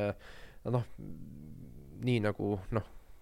ka nii-öelda NLP-s on ju igal pool on ju, et sul on kogu need embedding ud, siis äh, enne ma kujutan ette, et nad üritasid äh, töödelda, ma ei tea, kas siis äh, pilti rohkem mingisuguse otsekujul, nüüd neil on kogu nii-öelda äh, äh, keskkonna representatsioon on nüüd vektorformaadis, nii et Aha. see, see olevat andis neile äh, väga suure hüppe sellest mm., et äh, nad saavad äh, kõike nii-öelda neid ennustada, on ju, et kas, kas need jooned jätkuvad või ei jätku, kas tuleb auto või ei tule. et see selline oli hüppeline koht, aga ma ei, noh äh,, vähemalt naturaalkeele äh, maailmast tulles, et äh, see tundus mingisugune asi, mis oli juba nagu äh, või juba, juba pikalt, et kas see on siis midagi, mis on revolutsioonilist nii-öelda sellises äh, pildimaailmas? no ma arvan, et ta pigem ei ole tavaline jah, et mis noh, ma spekuleerin natuke, et võib-olla ta on seotud sellega, et et Tesla üritab ehitada sellist end-to-end approach'i, et sul ei ole nagu, et sul ei ole, et sa ei ehita tehislikult vahele mingisuguseid kihte või mingisuguseid nagu infovahetuskihte, mis on inimesele arusaadavad, aga, aga ei ole tingimata nagu optimaalsed, et et üks selline kiht näiteks on see, et sa võtad pildi ja sa tuvast- ja sa joonistad autokastid nagu sinna pildi peale, lõikad need autod välja sealt ja siis see on nagu justkui üks, üks nagu kiht targem või üks kiht kõrgem arusaamist, et sa tead, kus autod on äh,. aga nagu iseenesest sul ei ole, sina inimesena, kui sa vaatad tänaval ringi, sa ei tee seda, vähemalt sa ei tee teadlikult seda, et sa, sa ei vaata ringi, ei, ei tõmba nagu mentaalseid kaste autode ümber ja siis vaata nagu mit-, paar sekundit järjest, et kuidas see kast liigub, e, et aru saada, kui kiiresti see auto liigub, see on kuidagi intuitiivselt toimub sul. ja mille suunas nad üritavad ehitada, mulle tundub, on ka see, et, et sul ei oleks neid tehislikke piire, et sa saaksid noh, see nagu ähm, põhimõtteliselt sul on nagu närvivõrgud all the way down, et sul on nagu alates pildist kuni kõigi otsusteni, sul on kõigi komponentide jaoks kõik teekonnad kõigi, kõigi otsusteni või kõigi output ideni on närvivõrgud ja mis selle eelis on see, et siis saad kõiki neid andmete põhjal õppida. Mm.. sul ei ole käsitsi kooditud, sul ei ole käsitsi loogikat pandud, sul ei ole mingeid maagilisi numbreid sinna pandud ja, ja jah, sa saad seda modulaarseks ikkagi teha, aga see on nagu, see tavaliselt see performance on parem, et see on üks asi, millest, mida nad on ka öelnud, et et äh, iga kord, kui nad vahetavad välja mingisuguse nagu käsitsi kooditud jupi äh, siis närvivõrgu, mis sellesama ülesande ära õpib, siis selle performance on läinud nagu ütleme kümme korda paremaks ligikaudu, et, mingi a la üheksakümmend protsenti error'id, üheksakümmend protsenti täpsuselt, üheksakümmend üheksa protsenti täpsusele. midagi sellist, et see on, et see on nagu suurusjärgu erinevus, kui nad seda teevad. Mm jah, et see noh, nii-öelda ma saan aru, et äh, vektorruum annabki nagu sulle kõikvõimalikke äh, stsenaariumid ja nii-öelda representatsioone läbi töötada reaalajas ja siis äh, nad saavadki nii-öelda noh, paremini ennustada, et kas, äh, kuhu see mingi objekt liigub, mis iganes, et see on noh, umbes, see on muidugi täiesti teine näide, aga, aga nende samade noh, mis kunagi äh, niisugune oli natuke revolutsiooniline see word to vec jah, mis äh, mis näitab, et kui kaugel üks või teine on ju äh,, ma ei tea, kas lause või sõna on ju selles kontekstis on, siis noh, nad suutsid seda pildireaalsust siis põhimõtteliselt transkribeerida täpselt samasugusesse nii-öelda kohta, aga noh, jah, tundub, et äh, ma ei tea nagu lihtsalt äh, palju teisi ettevõtteid, kes oma tarkvara jaoks äh, suudaks luua endale nagu riistvara, sellepärast Tesla mm. tundubki mingisugune asi, mis on nagu täiesti, täiesti nagu next level. jah, no ma arvan, et äh, üks väga võimas ähm, nagu analoogne näide on Apple, mis on Apple'i, Apple'i kiibid, mida nad on nüüd ise arendanud, eriti noh, nad on tegelikult telefonide jaoks juba pikka aega teinud, aga arvutite jaoks see on ikka, minu jaoks oli, ma oleks, ma ootasin mingit sellist nagu viis või kümme protsenti äh, arengut mm. või paranemist performance'is, aga reaalsus oli mingisugune nelikümmend, viiskümmend protsenti, mis on erakordne, sellepärast et noh, see on, sinna läheb miljardeid dollareid aastas, et teha seda, et saada see viis protsenti paremaks, et et nad nii suure äh, hüppe suutsid teha, see oli päris võimas. ja noh, Tesla ilmselt samal põhjusel, et kui sa teed oma kiibid, siis sa suudad nagu end, täpselt enda use case'i jaoks teha need palju paremaks. sellises olukorras on ilmselt äh, noh, raske kuidagimoodi seda ettevõtlusmaastikku pidada, sest sul on mõned ettevõtted, kes on noh, nii dramaatiliselt head mingisuguses asjas, siis teised tegelikult jäävad alla, et kas äh, sa ei karda seda, et äh, noh, kui, kui neid, no oletame, et kui selliseid asju nagu mitte piirata, siis, siis lõppkokkuvõttes meil on mingisugune kümme ettevõtet, kes suudavad päriselt teha kogu aeg mingisugust breakthrough'd ja teised ei jõua kunagi järgi, lihtsalt see budget ja skill level lihtsalt ei jõua kunagi. no ma ei tea, kui suur probleem see on, et nagu nagu sa võid osta poest kokat, sa võid osta Pepsit, mõnes on RC koola, mingid muud variandid on ka, mingid hipster koolad on olemas, mis on nagu kallimad, võib-olla parema maitsega, võib-olla parem story sinna külge räägitud, et pigem küsimus on selles, et kas see, kas see kuidagi nagu hoiab tagasi, see, et, see, et keegi jõuab väga kaugele ette, see ei ole halb, see on vastupidi hea, sellepärast et sa saad paremaid tooteid kasutada, see, et Apple'il on väga head kiibid, see ei tähenda, et Androidi tootjatel peaks tingimata olema väga halb, halb nagu ähm, kiipide tase, mõnikord võib-olla tähendab, võib-olla seal on mingisugune nagu, et ühe, ühe hea tulemus nagu suppressib teiste head tulemust, aga üldiselt see, et kui keegi on väga hea, siis see on ka tarbijatele hea, meile hea. pigem probleem jah tekib siis, kui, kui keegi, see üks, kes saab nagu see, kes võtab kogu turu või kes on siis nagu teist väga kaugel ees, et kui seal on mingisugune selline ähm, self-reinforcing loop või reinforcing loop, kus nad äh, selle tõttu nad saavad veel jõudu ja jõudu juurde ja siis lõpuks nad ongi nagu ainuke ettevõte maailmas, kes saab seda teha. aga mulle tundub, et, et mingid noh, üldiselt ai mudelite puhul seda ei ole, sellepärast et ainuke nagu, seal on kaks piiravat faktorit, üks on andmed ja teine on äh, compute ja andmed on nagu üldiselt noh, neid, nende GPT-3-ga näiteks on ju, puhtalt internetist võetud avalikust internetist Nii, võetud andmed. jah ja compute on lihtsalt sa maksad raha ja noh sa saad võib-olla kui sul on hea riistvara sa saad võib-olla nelikümmend prossa odavamalt aga üldiselt sul on nagu sa ei saa kümme korda odavamalt või sada korda odavamalt sellepärast sul on väga hea riis- riistvara. Ähm, kiipide puhul võib-olla see on nii sellepärast et põhimõtteliselt sul on sul on nagu DSMC mis toodab noh Apple'i jaoks neid kiipe ja toodab maailma kõige advanced imaid kiipe ja see on eh, maailma kõige minu eest onglish vabandust. Aga to- toodab maailma kõige paremaid kiipe ja teised tehased ei ole veel on paar aastat neist maas. Ehm, et seal kui Apple ostab nende kogu tootmisvõimsuse ära siis see on tõesti teistele halb. Aga samas on see et eh, noh et see on nagu natukene ainult aja küsimus või paari aasta küsimus et et siin teistele sinna jõuda et. Ma lihtsalt mõtlen selle peale et kui kunagi see lõhe ühiskonna sees kui palju sai üks inimene intellektuaalselt nii-öelda erineda teisest äh, oli ma spekuleerin praegu et oli nii-öelda väiksem siis tänu sellele et mõnes kohas see kompetents on tohutult nii-öelda noh kõrge siis siis kõik teised jäävad nagu palju-palju kaugemale et lihtsalt noh kas kui tõenäoline on, et Eestis hakkavad tekkima mingisugused Andrei Karpatid ja sellised tüübid või mis iganes niisugused meeskonnad, kes suudavad päriselt või nagu DeepMind, kes suudavad mingisugust innovatsiooni luua, et kas me selles osas ei ole nagu väga kauged? Ma arvan et see on see on väga tõsi ja läheb hullemaks selline ebavõrdsus või äh, see et kui hästi sul elus läheb sõltub tugevamalt sellest et mis su ütleme võimekus on mis ei ole tingimata ainult IQ aga noh ilmselt on sellega korreleeritud. Ähm, et kui võtta mingi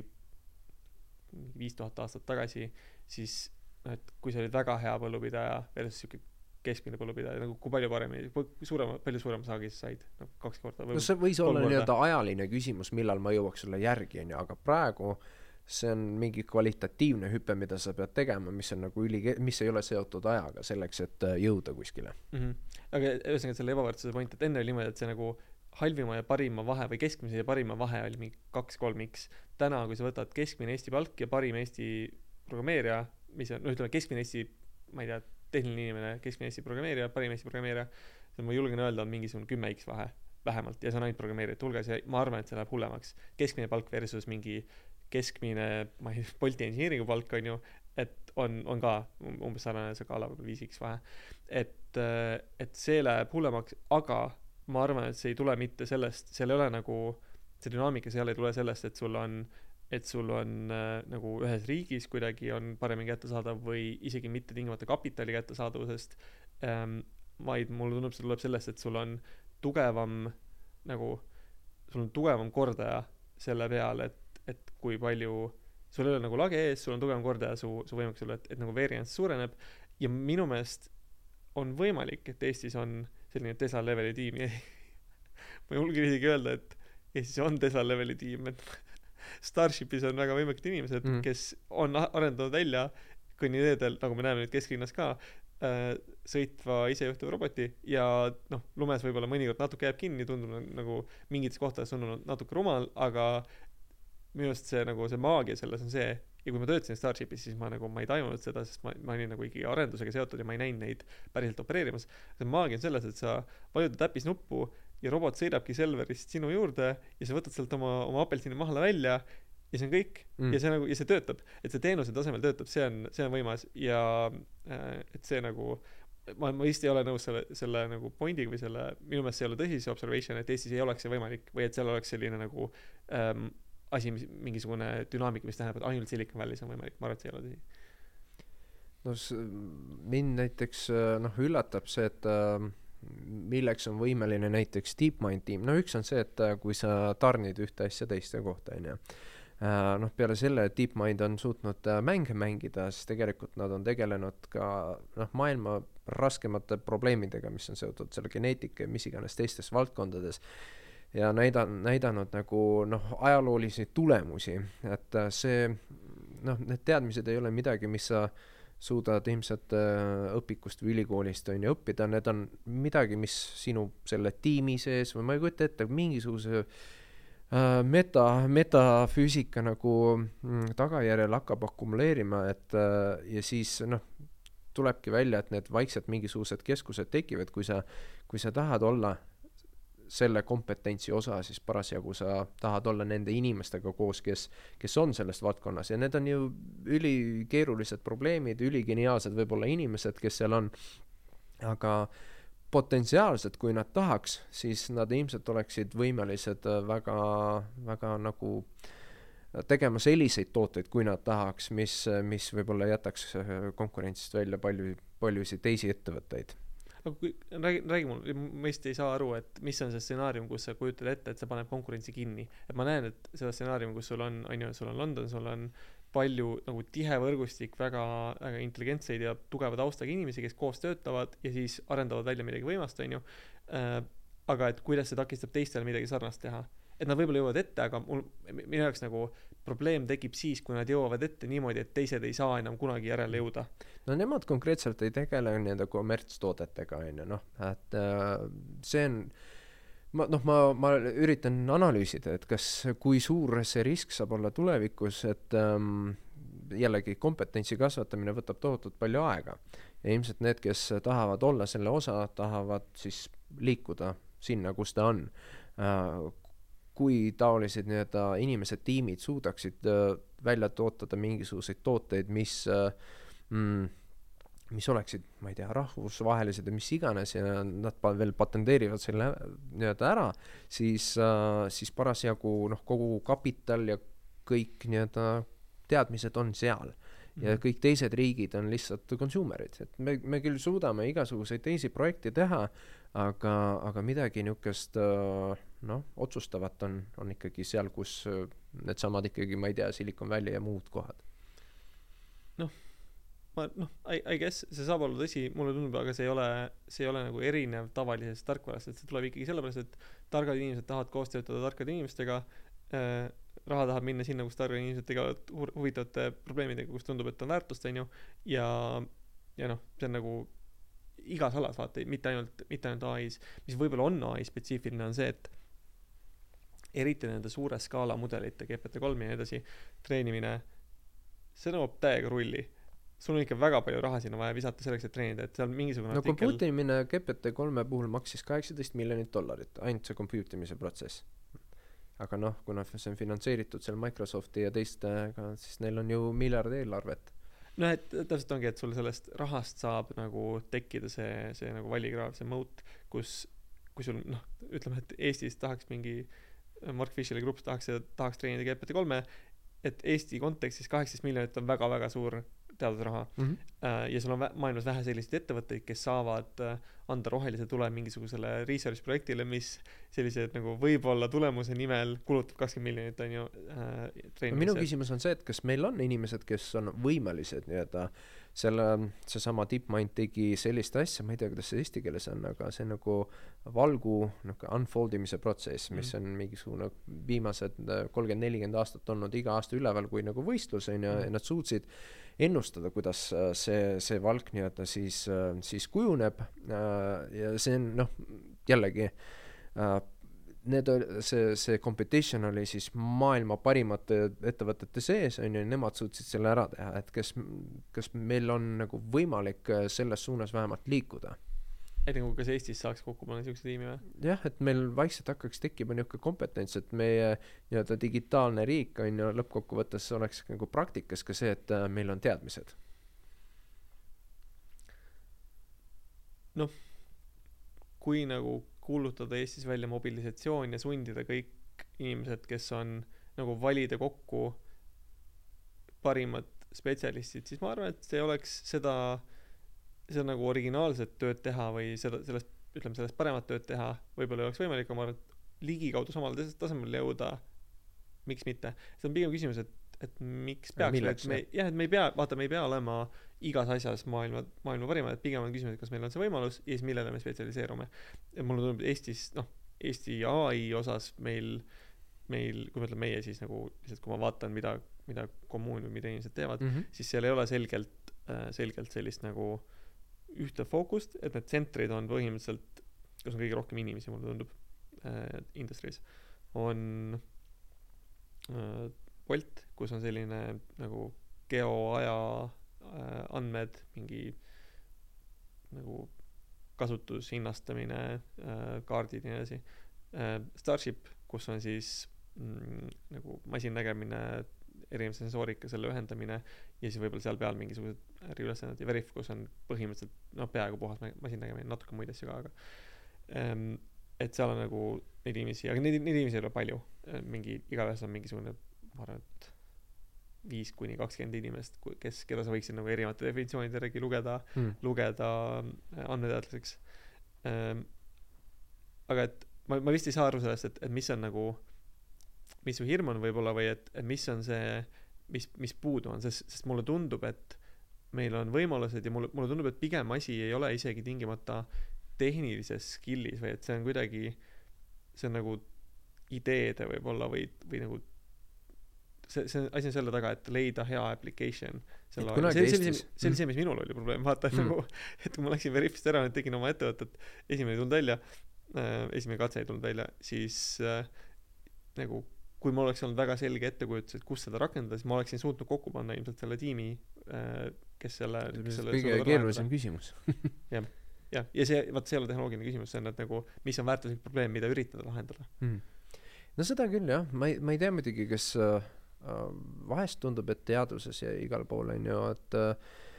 vahest asju tehakse lihtsalt loomingu enda pärast, on ju, et sellepärast on fun, vaatame, mis välja tuleb, meil on mingisugused talendid koos, on ju, ja me saame endale sellist nagu lõbu lubada. Noh, ilmselt on ju kogu startup'i maailm ongi see, et ta on nagu väga korralikult finantseeritud ja siis me vaatame, me suudame seda, seda riski vastu võtta väga, väga mitmel kujul, aga noh, kui meil kunagi oli Skype, siis kas meil kunagi saaks olla, noh, praegu meil ma ei tea, ma muidugi väga tugevalt üldistan, on ju, aga praegu tundub, et äh, meil kogu narratiiv on endiselt Skype'i peal, et äh, kui me räägime nii-öelda meie riigi tehnilistest äh, saavutustest, et remember Skype aga see on juba nii ammu. et kes, kes midagi nagu suudab seda liigutada selles suunas, et meil tekib DeepMind, noh. No selle Skype'i osas mul, ma arvan, et miks inimesed Skype'i kasutavad, on see, et, et tegelikult ütleme Äh, kui sa räägid nagu startup'i maastikul või lähed mingi suvalise inimese juurde, kes teeb kuskil mingit startup'i, siis tõenäoliselt nad on Wise'ist või Boltist kuulnud, on ka päris suur. Äh, miks inimesed ilmselt Skype'i kasutavad, on see, et see on, see oli consumer tarkvara, millel lõpuks oli, ma ei tea, sadu miljoneid kasutajaid mm., võib-olla miljard. Äh, et see on lihtsalt, see on nagu household name, see on household bränd versus Wise, millel on natuke kitsam, kitsam või seni natuke kitsam target market. Bolt, mis on noh, peamiselt Euroopa, Aafrika et äh, jah, see, see, ühesõnaga see oli lihtsalt Skype'i kohta kommentaar, aga Eesti DeepMind, ma ei tea, sa võid Kristjan Korjusega rääkida, küsida, et, et kas ta pakkumis üritab midagi sellist, ma arvan, noh, mitte, nende fookus otseselt ei ole nagu ai iseenesest, vaid läbirääkimised ähm,. noh, Starshipis seda rakendatakse mingi nagu isesõitmise huvides ai-d, Boltis selleks, et teha nagu noh, odavaid või ütleme õige hinnaga ähm, kohale toimetamist ja, ja, ja sõite pakkuda sulle, logistikat põhimõtteliselt mm. pakkuda sulle ähm,. et seal on nagu,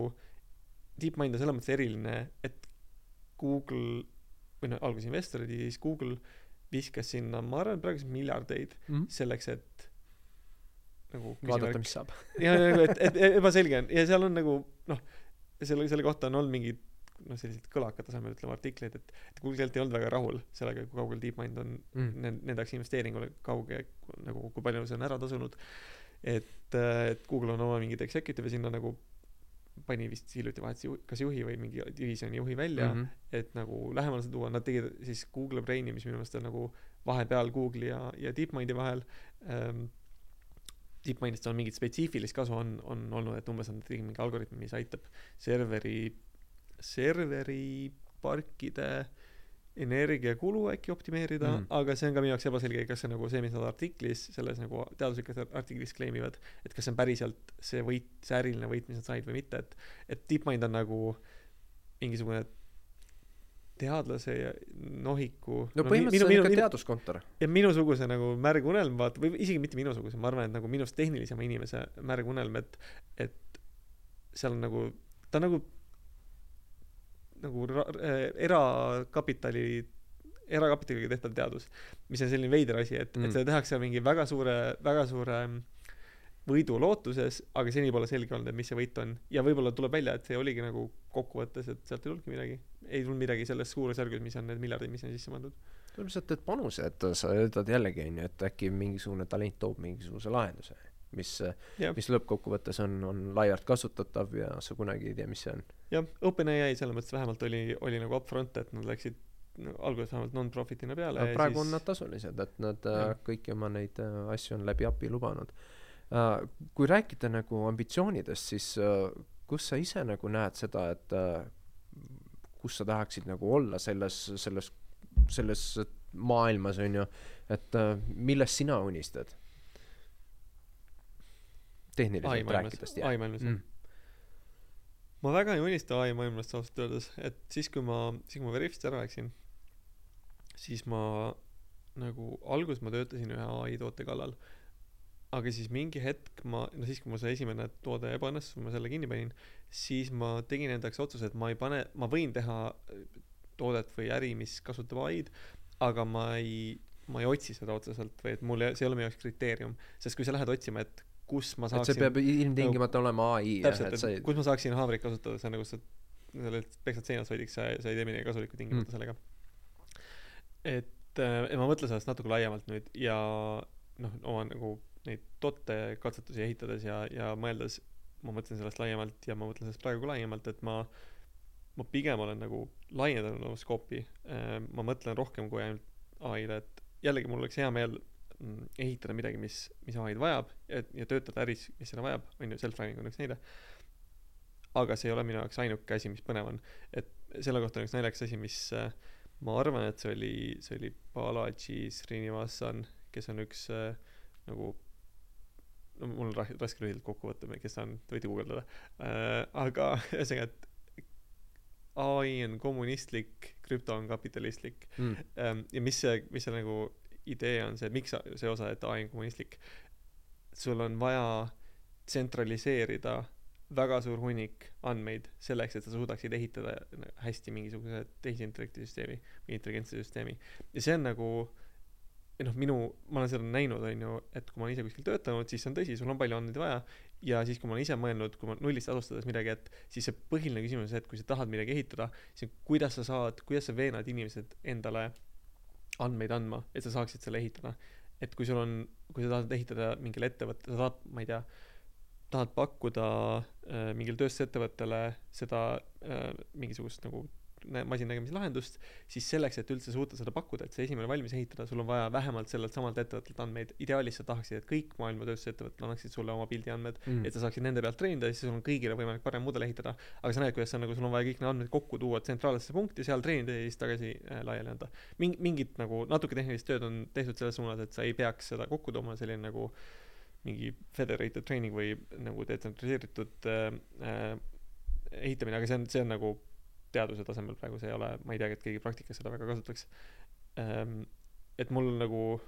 see võib-olla on minu jaoks mitte nii palju filosoofiline ja see kommunism on see on see noh see on nagu nali on ju et äh, aga et see tsentraliseeritud lähenemine see teeb lihtsalt palju raskemaks selle et ehitada mingisuguse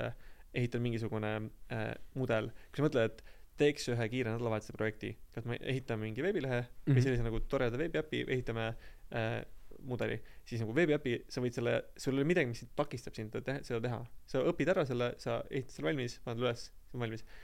Mudeli puhul on see et kui sul on andmed siis see on ka siis see on nädalavahetuse projekt. Kui see kui sul ei ole andmeid siis see võtab nagu see võtab üks üks nagu või heal juhul üks kuu nagu võib-olla üks nädal kui sa saad internetist kraapida võib-olla aastaid jah et saada kui need on privaatsed andmed. Et sul on ähm, see lihtsalt on nagu võib-olla siis koordinatsiooni probleem ja ajalooliselt kuidas seda on tehtud on see et sa nagu maksad inimestele ähm, või annad neile midagi tasuta selleks et nende andmed endale saada sa annad neile Facebooki tasuta saad nende andmed vastu sa annad neile Google'i otsingu tasuta saad nende andmed vastu ja Mm. nii edasi et et seal on mingi nagu trade-off mis mulle kuidagi natuke kriibib mu hinge et vaata et et eriti kui see teenus on tasuta ja sul ei ole selge et enamik kasutajaid ei mõtle sellest niimoodi et mingi ma annan Google'ile kõik oma andmed mm. Nojah mul on need kõik välja lülitatud. Muidugi ma ma olen üritanud ka kinni keerata aga noh seal on mingisugune mingi miinimum mida Ei, nagu kindlasti, jah, mida jah. nad koguvad ikkagi. Ilmselt tehniline inimene on rohkem nagu mõtleb turvalisuse kõige selle peale et äh, kuna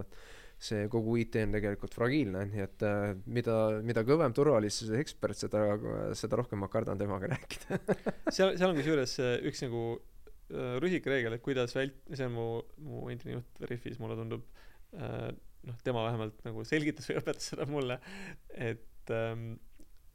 kõige lihtsam viis andmeid turvata on neid mitte koguda mm.. kui sa ei salvesta neid maha, siis sul ei ole probleemi, sul, sa lihtsalt, sa ei pea muretsema selle pärast, et äh, kõige et, parem et, kirjutatud et need lekivad kuhugi. kõige parem kood on see, mis ei ole kirjutatud, jah. sama, sama printsiip ja., jah ja. okei okay,, aga sa ütled seda seoses sellega, et äh, selles on raske nagu areneda, et äh, need takistused on nagu nende andmetega ja probleemidega, et või seoses, seoses sellega, et noh, millest sa ise tahad nagu edasi minna kas see nagu takistab, et, et tegelikult noh, üks on see nii-öelda mudelite väljaarendamise puhul, aga tegelikult on see, et sa saaksid päriselt mingi probleemi kallal töötada, millele sul on andmed, et tihtipeale nende andmete ligipääs on piiratud ja siis mis sa, mis sa tegema pead arendajana? No ma arvan, et minu isiklik, isiklikult minul, et kust mul see otsus või see nagu tunne tuleb, et ma, et tehisintellekt või masinõpe ei ole ainuke asi, millega ma tahan oma, ma ei tea, järgmised viis või kümme aastat karjäärist panna, on, et osa on see, et ma lihtsalt olen veits selline lühikese tähelepanuga inimene või et mul, mulle kuidagi meeldib õppida uusi asju ja, ja võib-olla seal ma olen mingisugusele piisavalt platoole jõudnud, et, et tundub, et edasi enam ei ole põnev. ma ei tea, mingi selline osa seal on ilmselt. Äh, see, et see on raske või et andmete kokkupanemine on raske, see, et see iseenesest, iseenesest mind nagu ei morjenda, et et see pigem teeb alustamise raskeks, aga kui sul on juba mingisugune ettevõte, kus, kus inimesed vabatahtlikult annavad oma andmeid mm. või oleks nõus seda tegema ähm, õigetel tingimustel, siis, siis see nagu selles mõttes mind ei takista, et pigem see on selline ähm, et tahaks nüüd nagu laiemalt maailma vaadata võib-olla mm., midagi sellist selline ma mõtlesin, et see, et sul on nagu noh, käed sügelevad, on ju, sa tahad olla hands-on, aga pidevalt sa pead kokku puutuma, on ju, nende kõikide reaalelu probleemidega, et noh, tihtipeale on see nii, et äh, sa tahad, on ju, midagi ära teha, oskad koodi kirjutada, aga paraku noh, sada tuhat asja tuleb peale ja siis sul motivatsioon kaob, sellepärast et sa ei saa teha seda, mida sa tahtsid aga mul kusjuures ei ole, ei ole üldse niimoodi, mul on nagu minu motivatsioon, ma olen tähele pannud, tuleb väga palju sellest, et ma ma nagu tõmbun asjade poole, mis on, mis tunduvad kõige olulisemad või on kõige olulisemad selleks, et edasi liikuda. ja see on see, kuidas ma, kuidas ma, mis mu nagu teekond näiteks Veriffis oli, et ma liitusin insenerina, aga, aga väga kiiresti ma hakkasin inimesi värbama ja nagu sellist, nagu pigem tootetööga tegelema, et välja selgitada, mida on üldse vaja ehitada. sellepärast, et see oli kõige olulisem asi, mida teha, mitte koodi kirjutamine. ja ma tegelikult, ma naudin, ma naudin sellist nagu töötamist asjade kallal, mis, kus ma olen veendunud, et see on kõige olulisem sel hetkel. Kind of sõltumata sellest, et mis see on, kuni see on sellises nagu ligikaudu selles nagu selles tehnilises või toote arendamise ähm, spektris mingis punktis ähm,. ma vahepeal naudin, see on kuidagi kindlasti kõlab väga üleolevalt, aga et vahepeal on, on mõnus niimoodi käed mulda panna ja nagu natuke koodi kirjutada ja see ilmselt ei ole hea kood, sest ma, ma kindlasti ei ole, ei ole nagu suurepärane tarkvarainsener äh,, aga et mõnikord, kui ma mingi, ma ei tea, paar, paar nädalat tagasi või mingil nädalavahetusel häkkisin ühe oma projekti kallal oma märkmete hulgas mingisugust nagu soovitus, nagu mingi tilluke soovitusmootor ehitada. et siis see lihtsalt siuke mõnus tunne, siuke ehe tunne tekkis, et mm., et sa kirjutad koodi ja see on selline selge väärtus, mitte selline abstraktne asi, et sa tegeled mingisuguse tiimidevahelise suhtlusega või mingi lepingute või klientide või andmeturvalisusega, selliste asjadega, mis on nagu ähm, enable ivad teisi inimesi. et ise, ise vahepeal sellist tööd teha on ka tore sa oled ka oma blogipostitustes äh, kirjutanud laiemalt, äh, noh, mitte ainult äh, sellest ai-st, vaid ka nagu protsessidest, et sa pigem tahad olla, tähendab minna nendes sellistesse tükkidesse, et mis, mis on need seadused, kuidas mingisugused tiimid, tooted käivad, et sa pigem nagu vaatad selles suunas nüüd? ma jah, mul, mul selline tehniline või puhas tehniline süvenemine võib-olla ei olegi päris minu asi, et et ma ei ole kindlasti see, kes on, kes on põnevil igast uuest mm, uuest artiklist, teadusartiklist, uuest meetodist, mis tuleb välja selleks, et, et mis on uus värk, et pigem mulle tundub, mind huvitab see rakenduse, toote, äri pool rohkem mm. ja sellest tulenevalt see, see tehnoloogia, aga et noh, näiteks Veriffis ma, ma võin julgelt öelda, et ma olin kõige halvem and- andmeteadlane kõigist neist, kes olid seal nagu tiimis andmeteadlased. et, et ma nagu, et minu, minu nišš ei olnudki või ei olegi selline, et ma olen parim äh,, parim tehniline seal, mulle tundub palju rohkem selline nagu laialt mõtlemine, interdistsiplinaarne lähenemine sellele no võib-olla sellepärast, et mingisugused asjad on juba ära ennast ammendanud, selles mõttes niisugune sisemine huvi, et sa tak-, lihtsalt hakkad kasvama, noh mm -hmm. mõni, mõni läheb nii-öelda narrow, on ju, aga mõni läheb just vastupidi, ta tahab üldistada protsesse, aru saada, et kuidas see oleks kõige optimaalsem ja nii edasi. Mm.. jah, võib-olla küll, ja ma arvan, et teine osa on see, et mul, nagu ma ütlesin, see impact'i asi, et, et päris nagu päris suur osa ajast tegelikult see, see täpselt see, mis mudel sa kasutad, on palju vähem oluline versus see, et kui kiiresti sa oma andmete sildistamisel luupi suudad jooksutada näiteks mm. aga samas sa oled ju, on ju uh, computer science degree'ga ja oled sa kogu selle teekonna läbinud, et uh, noh, ma ise olen uh, noh, iseõppija olnud nii-öelda kogu selles uh, tarkvaraarenduses, et um, mis, mis seis uh, selle nii-öelda kõrgharidusega ja, ja kogu selle skill set'iga, mida turul vaja on. et kas sellel on korrelatsiooni või pigem see, et äh, mida, mida computer science äh, nii-öelda mm,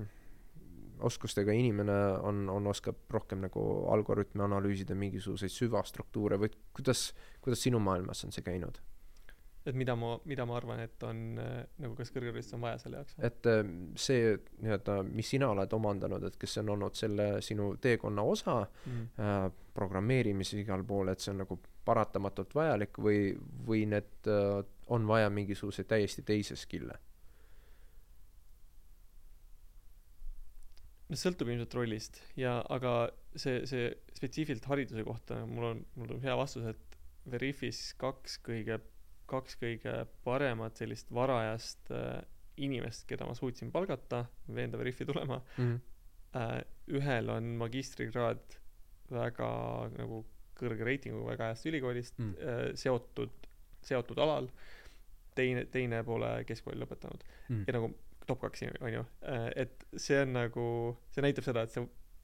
noh, see ei ole niimoodi, et, et see on reegel või et kuidagi, et, et üks kindlasti on tõsi äh,. mis mulle tundub, et võib-olla see on rohkem selline eelistuse asi, et mulle tundub, ma, ma eriti, eriti sellise keskkooli lõpus ja noh, baka lõpus ma olin pigem sihuke konservatiivne, suhteliselt konservatiivne inimene, et äh, et selle asemel, et minna mingi pärast keskkooli tööle või, või ise üritada õppida äh, programmeerima, ma läksin ikkagi ülikooli mm. ja sealt edasi magistrisse ähm, et ma ei, ma ei oska öelda, et kas ma nagu, kui ma nüüd teleportiksin tagasi, siis kas ma, kas ma suudaksin selle otsuse teistmoodi teha, aga mis mulle tundub, mis mu, mis mu selline mm,, mis mu, mis mu akadeemiline haridus on andnud, on tehno-, tehniline haridus just, on see, et ma suudan, ma ei jää hätta, kui kuskil on mingisugune arutelu mingisuguse nagu tehnilise süsteemi üle, et mul on piisavalt sellist nagu baasi, et ma enam-vähem tean, mis, mis nagu juppidest süsteemid kokku ehitatakse ja mingit, mingis osas mul on sihuke sügavus ka on ju, ai osas on sügavust natuke äh,. aga et see on sellise nagu toreda laia põhja loonud, pluss, pluss see matemaatika, et ma olen nagu laialt saan asjadest aru. ja et ma arvan, minu, minu case on natuke ka ebatavaline selle osas, et ma ei, ma isegi ei suuda eriti hästi sõnastada, et mis mu nagu, mis on see posi-, ametikoht, mida ma täidan mm. Et ma ei ole, ma ei ole tarkvarainsener, ma ei ole data scientist ma olen nagu mingil määral tootejuht, aga mitte nagu noh, natuke ikkagi tehnilisem, kui tavaliselt tootejuhid on. ma olen, ma olen olnud inimeste juht või nagu selline tiimijuht ja samal ajal nagu selline sisu või funktsioonijuht ähm,. ma ei ole kindel, kas ma selles kõige parem olen, et seal on nagu mingisugune tagantjärele jah, mingisugune veider nagu komplekt asju, mis mm. on kokku tulnud, millest igaüks kuidagi nagu, nagu panustab sellesse, et, et äh, milleks ma saanud olen. ja need, osad neist, noh, mul on tehniline haridus, aga et, et selle hariduse ajal Tartus ma tegelesin ülipalju mingite nagu täiesti ülikooliga mitte seotud projektidega, ma ei tea, aitasin korraldada mingeid asju, tegin tudengiseltsi mm., äh, käisin avalikult esinemas mm., kirjutasin blogi nagu, et, mm. et sellised asjad, vaata nad kuidagi tagantjärele sa suudad nagu selle niidi sealt läbi lükata ja need nagu kokku tõmmata, et aa jaa, tegelikult nagu tootejuhina sul on suht palju vaja ehi-, esineda ja ja see on kasulik, kui sa suudad majast väljas oma ettevõtet esindada ja sul on, see on väga hea, kui sul on, kui sa oskad asju nagu selliseid hägusaid mõtteid väga selgelt kirja panna, mis mis nüüd tuleb ma arvan suures osas mu kirjutamise nagu harjumusest või sellest ma olen bloginud palju et äh, jah et see on ma ei tea mul mul on tunne et ma ma pigem ikkagi lähen nagu oma huvi järgi ja siis lõpuks tuleb välja et aa et see töötas päris okeilt mm. see tegelikult see kõlab minu jaoks nagu kui ideaalse nagu juhi ähm, kirjeldus sellepärast et see et meil on äh, tootejuhid ja juhid ja mis iganes, on ju, kes äh, tihtipeale ei süvene protsessidesse, ei oska dokumenteerida, ei valda detaile, vastutavad eesmärkide eest, see on, see on pigem nagu see, kuidas ta ei peaks olema, sellepärast et äh, just see, mis sa kirjeldasid, on ju, kus sa oskad inimesi kokku panna, aru saada sellest, on ju, tehnoloogiast, no mis iganes, on ju, see, see, see kõlab pigem nagu nagu see, kes kes peaks olema nagu inimeste protsesside juht. aitäh komplimendi eest, mul on ma arvan, et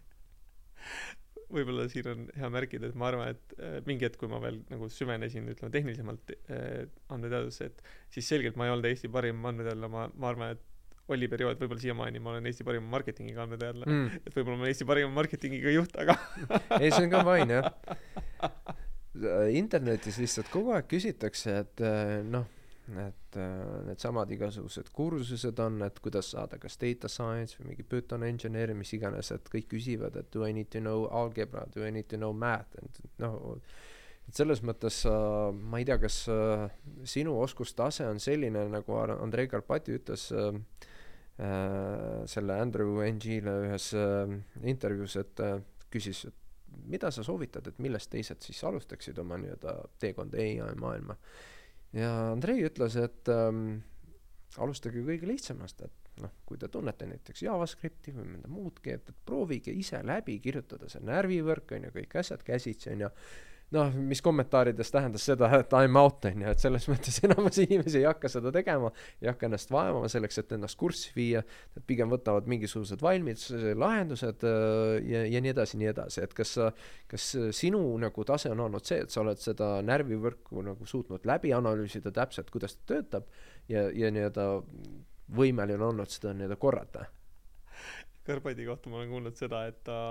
et ta on üritanud või ta isegi vist kirjutas mingis blogipostises, et ta on üritanud käsitsi valida närvivõrgu, närvivõrgu weight'e mm.. nagu leida neid numbreid, mis põhimõtteliselt ükski nagu normaalne inimene kunagi ei üritaks seda teha.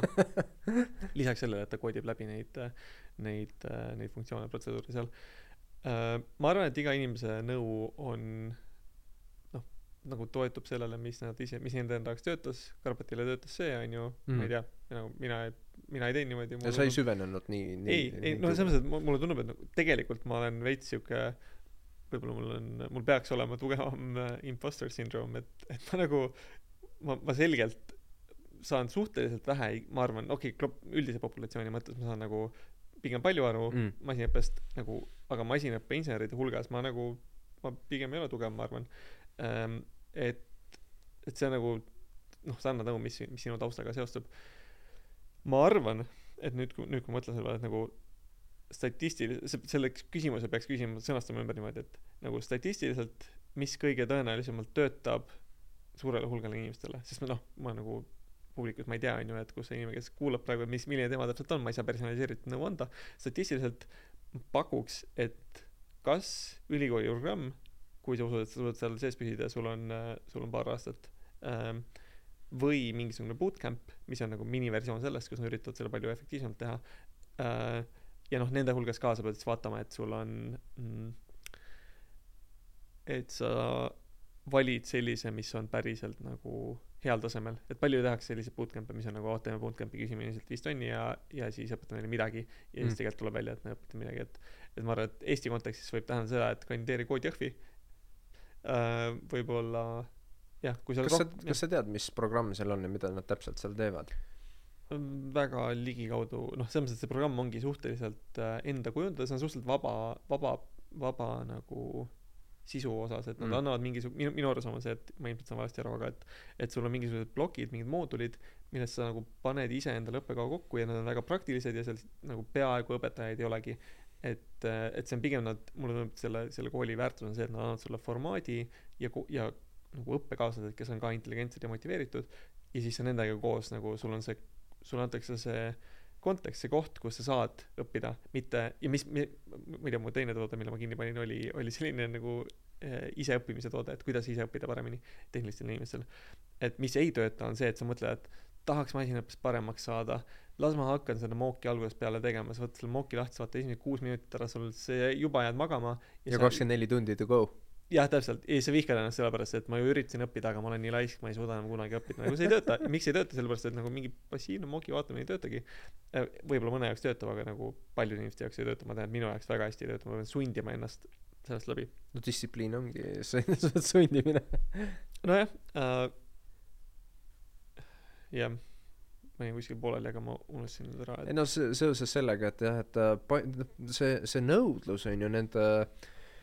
koodi ja ja kogu selle teema nagu järel on suur ja inimesed tahavad seda õppida. Aga siis kui nad hakkavad vaikselt sinna sisse tulema siis on nagu rida probleeme. Kui sa vaatad äh, populaarseid äh, Youtube'is neid free code camp'e kõik teevad on ju igasuguseid ägedaid äh, tasuta loenguid kuidas mida teha seinast seina alates lihtsast kuni keeruliseni siis äh, kui sa vaatad mingisugune on näiteks kuueks osaks tehtud on ju et ta äh, hakkab pihta sellest mis on need alustalad siis sa näed lihtsalt et on ju sinna lõpp sinna viimasesse tutorial'isse jõuab nagu hästi-hästi vähe inimesi on ju nad kaovad ära. et äh, noh jah ähm, ilmselt äh, inimesed ei arvesta sellega et tegemist on väga keerulise endiselt alaga et vaatamata sellele et igal pool on reklaam et äh, et äh, ten hours from zero to hero ja mis iganes muu et ähm, noh paraku äh, tuleb ette paar aastat higistamist ja ikkagi tuhat uut terminit ja nii edasi nii edasi et äh, ma ei tea kas kas sa oled nagu leidnud mingisuguseid shortcut'e kuidas kuidas lihtsamini õppida? Lihtsamini ei aga aga efektiivsemalt jah ma arvan et ma arvan et baka lõpus ja ja magistris ka noh kui ma rohkem tegelen sellega et kuidas efektiivselt õppida siis ma oma eksamiteks valmistumise ja üldse ma arvan et kogu õpi nagu õpi õppimisse sisse pannud tundide arvu mõttes tegin mingi kolm kuni viis korda vähem tööd mm. saades sama hea või parema tulemuse eh, sellepärast et ma nagu ma keskendusin sellele et kasutada parimaid meetodeid mida ma teadsin sel hetkel äh, aga nagu ma arvan et see põhisoovitus mida mida ma annaks selle kohta on on nagu vastupidine sellele see on kümne tunniga zero to hero et see on raske ja kui sul on raske siis see on normaalne. Kõigil on raske matemaatikat õppida või enamikul inimestel on raske matemaatikat õppida. Minul on raske matemaatikat õppida väga raske. Mul on väga raske sundida ennast. Ma vist ühte raamatut suutnud ennast panna lugema mis on matemaatika teemal ja see oli sel- see oli sellepärast mul oli nagu hästi tugev huvi selle spetsiifilise teema vastu. See mis selle mida see raamat rääkis mm. -hmm. siis sealt ma mingi kolm chapter'it suutsin nagu töötlesin läbi enda jaoks. Aga ja koodimisega on samamoodi või üldiselt tehniliste asjadega et see on raske see on nagu see on päriselt raske see on palju raskem kui see mis sa tüüpiliselt oled harjunud mingisuguses keskkoolis mingit ma ei tea bioloogiat õppima või isegi ko- keskkooli matemaatika võib-olla on nagu on nagu lihtsam võib-olla kui see äh, et kui sa tead et see on raske siis sa mõtled sellest teistmoodi sa ei mõtle et ah ma olen luuser sellepärast see see ei tööta minu jaoks sa oled mingi see on raske ja ma tean et see on raske okei okay, see peabki olema raske see on normaalne siis sa tead et et see on normaalne kus sa oled. Ja võib-olla teine viis seda raamistada enda jaoks on see et et miks sa seda teed. See nagu kas see oleks sinu ähm, üks üks selline üldine üldine nagu tähelepanek elu kohta mis ma olen viimase mingi poole aasta jooksul nagu kopeerinud teistelt onju see pole originaalne aga et et mis ma olen märganud enda juures. Kui ma tagasi vaatan asjadele mille üle ma uhke olen siis need hetked mis mulle meenuvad selle sellest ajast või selle asja kohta on need kus ma kus ma kannatasin need rasked hetked mm. -hmm. mitte need kus ma seda võitu tähistasin vaid need rasked hetked ja ja siin mu, nagu mu soovitus oleks see et ära õpi programmeerimist see on siis viidates Kennedy kuulamineku kõnele et mitte sellepärast et see on lihtne vaid sellepärast et see on raske sellepärast et see on tähenduslik sellepärast et see on raske ja asjad mis sa mis tulevad väga lihtsasti sulle nagu sa ei väärtusta neid nii palju need tagantjärele tunduvad palju vähem vähem vähem andvad või vä- vähem tähenduslikud äh, üldiselt elus jah. Äh, ja see on nüüd nagu ma saan aru et see on natuke paradoks et miks sa peaksid tegema asju mis on rasked aga see on see on viis kuidas raamistada seda endale niimoodi et et sul on rohkem motivatsiooni ja tähendust elus selle raske asjaga tegeleda. Äh, et üldiselt minu arust on hea printsiip teha asju mis on nagu kui sul on kaks kaks valikut millest üks on raske ja teine on täpselt sama hea aga ikkagi aga lihtsam siis on mõistlik valida lihtne aga pigem et on mingid asjad elus näiteks õppimine mis ongi lihtsalt rasked ja siis mõelda sellest niimoodi, et sa teed seda sellepärast, et see on raske, sellepärast et see muudab sind, see on, see aitab päris palju. võib-olla see aitab äh, nagu ma toetada motivatsiooni tehnilist, tehnilisi asju õppida. inimesed ilmselt ei kujuta ette tegelikult, kui, kui nii-öelda äh, noh, rewarding see, see lõppkokkuvõttes protsess on. sest äh, ma ei tea, mul endal nagu emotsionaalselt ei ole olnud elus mitte millegiga niisugust seost äh, Äh, noh, peale selle, kui ma hakkasin koodi õppima, et siis, kui sa oled jõudnud sellele tasemele, et sul tekkis mingi mõte, suudad seda realiseerida, sellist nii-öelda emotsiooni, vot seda on väga raske kätte saada, et ilmselt seda, seda kogeb mingisugune kunstnik või muusik või mis, kes iganes, kes tegeleb loominguga, et noh, keskmiselt äh, raamatu lugemisega või mingisuguse humanitaarsotsiaalse valdkonnaga tegeledes äh,, noh, sul ei ole loojatunnet, sellepärast et sa parasjagu oled lihtsalt tarbija, sa võib-olla analüüsid, klassifitseerid midagi, aga siin, kui sa oled ise välja mõelnud selle, siis sa nagu läbi higistasid, et see lahendus teha ja siis, ja sa tegid seda, et see, see on tõepoolest midagi, mis, mida ilmselt noh, programmeerimine kingib tegelikult noh, vas-, nii-öelda nende, nende ähm, pingutuste nii-öelda noh, king-, kingituseks, et äh, see on see, mida sa tunned ja sa saad seda korrata iga nädal, iga, iga kahe nädala tagant. ja see on tõepoolest äh, noh, ilmselt väga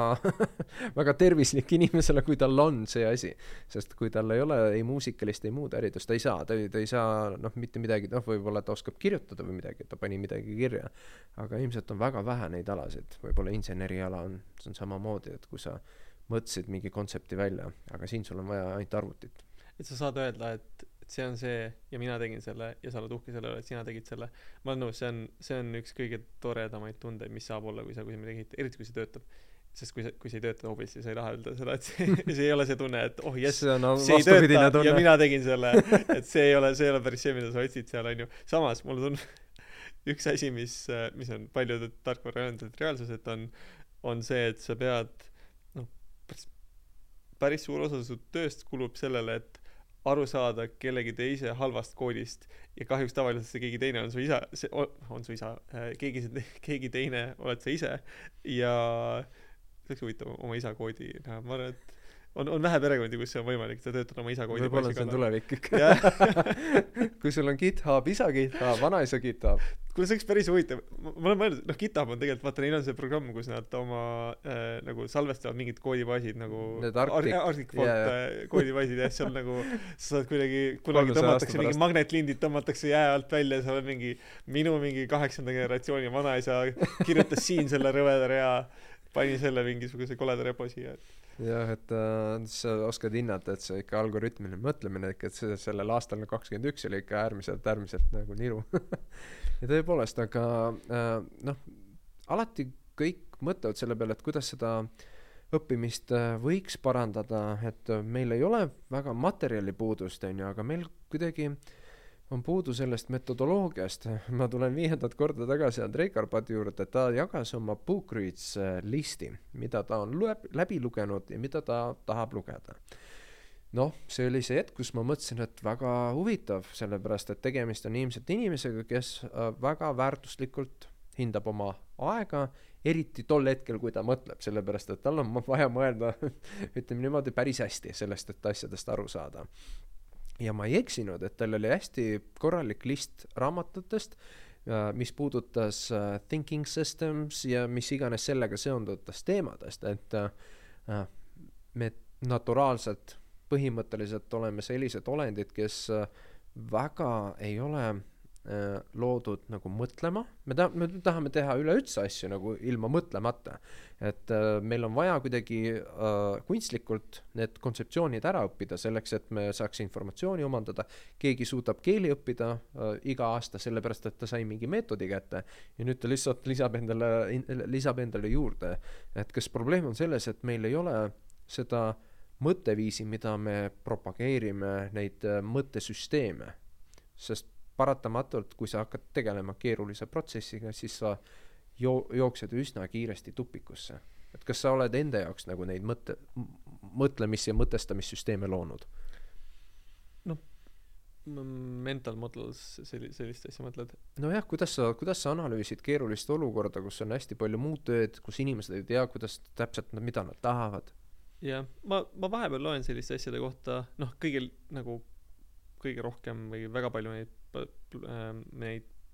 pärineb mul matemaatikast mm. mis ma olen õppinud äh, või või arvutiteadusest on ju mingid asja bioloogia võib-olla asjad millega ma olen kokku puutunud et ma nagu ma naudin kui ma leian midagi uut uue mõtlemismudeli mis mul kuidagi varem puudu oli või kohe klikib mulle et aa see seletab nagu raamistab või kuidagi struktureerib selle probleemi siin mulle ära aga kui natuke spetsiifilisemalt et kui rääkida sellest et mis on mis õppimist takistab siis no Eestis ma arvan vähemalt tegelikult ilmselt ülejäänud maailmas ka suures osas koolis õpetatakse valesti õppima. Et nagu koolis sul on kas seda üldse tehakse? Noh selles mõttes et nagu implitsiitselt on ju või niimoodi ilmutamata kujul õp- Mm. õpetatakse jah et et see nagu mille eest sind premeeritakse on see et kui sa õpid ära õiged vastused. Mille eest sind ei premeerita on see et kui sa lähed sügavuti mingi mingisse alasse oma huviga ja nagu keskendud sellele nii palju et saada selles väga heaks. Et sul on siuke nagu mm, ma ei tea kuidas on bland nagu selline värvitu või või igav äh, äh, laius. Mm. ja mitte sügavust mitte üheski asjas. Ja isegi see isegi need asjad millega sa la, nagu laiaks lähed või need äh, need need ained need asjad mida sa õpid sa nagu sa ei õpi originaalselt mõtlema sa rohkem nagu jällegi ma võib-olla teen nagu teen liiga Eesti haridussüsteemile aga mulle tundub suures osas minu minu haridus oli selline et äh, ma arvan kõik siin ruumis viibijad no saavad selle selles osas olla nõus et et see oli rohkem nagu nagu võib-olla closed ended et nagu päris maailm on open ended et sul Mm. on sa teed oma sa teed oma tööd sa oled programmeerija või sa oled andmeteadlane või sa oled tootejuht või kes iganes sa oled eh, noh minu kogemused on ju siis see viis kuidas see õige viis või hea viis kuidas mõelda see kuidas sa jõuad lahenduseni mingisuguse keerulise probleemiga see hõlmab endas mitte seda et sa et sa nagu nüüd õppisid koolis selle ühe ühe algoritmi ära kuidas see seda sellist asja lahendada vaid see on mingisugune nagu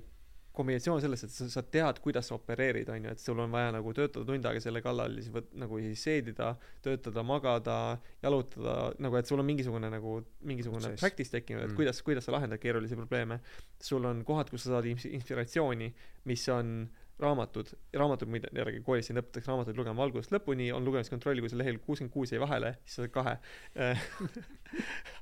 ja see on ilukirjanduse puhul ma nagu ma saan aru miks inimesed nii teevad. Non-fiction'i puhul see on lihtsalt absurdne. See on see on see ei ole vastav lihtsalt. see on nagu sa lihtsalt sul on raamatu lugemine sa võid selle lu- lugeda õnnestunuks kui sa vaatasid seda kolmkümmend sekundit ja leidsid ühe idee sealt mis sulle meeldib. Nagu see on juba piisav piisav. See on see see on nagu loeb. Sa võid selle panna Goodreadsi read, read listi onju endale. Et ähm, et see on need harjumused mis on sisse sisse töötatud selleks et sellist intellektuaalset tööd teha või õppida või üldiselt nagu asjadest paremini aru saada need on lihtsalt nagu see on midagi täiesti erinevat kui see mida sa tavaliselt koolis teed. Ja kool on rohkem nagu nagu ma olen siuke bundle nagu lapsehoid pluss pluss loengud. Äh, see kõlab hästi. nagu kuni kaheksateist aastaseni üheksateist aastaseni et mingi mingi hetk ma võib-olla see on väike sidetrack ma mul on üldiselt kooliga on beef ma olen sellest kirjutanud ka ja ja see on äh, nagu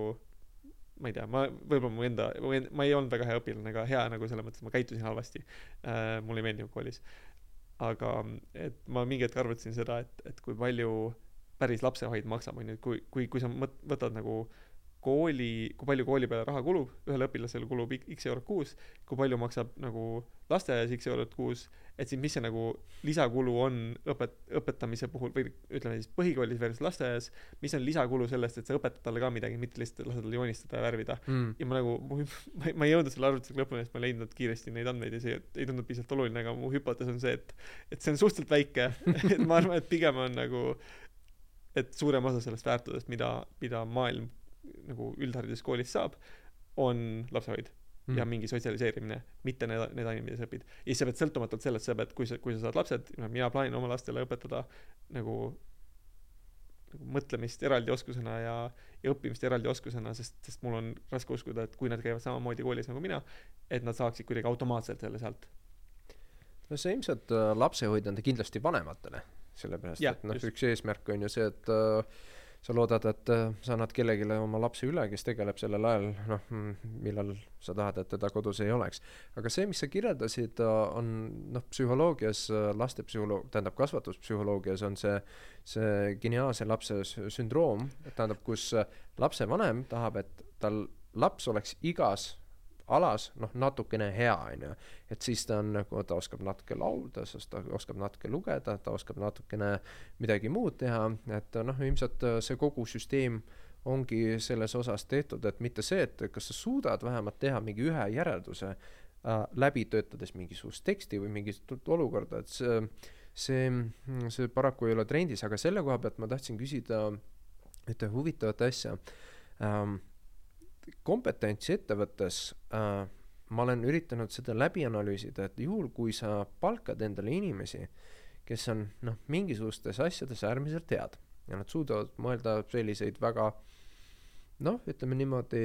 komplitseeritud lahendusi mingisugustele probleemidele, aga probleem on üks, et neid inimesi, kes saavad sellest aru ja oskavad korraldada või siis äh, kopeerida neid protsesse ähm,, neid on väga vähe, et sellepärast äh, meil on pigem lihtsam hoida äh, neli inimest, kes taovad mingisugust Exceli tabelit, kui kedagi, kes on natukene, noh, mitte natukene, vaid mingi samm kõrgemal ja oskab mingisuguseid protsesse rohkem automatiseerida, sellepärast kui seda inimest ei ole, siis äh, kogu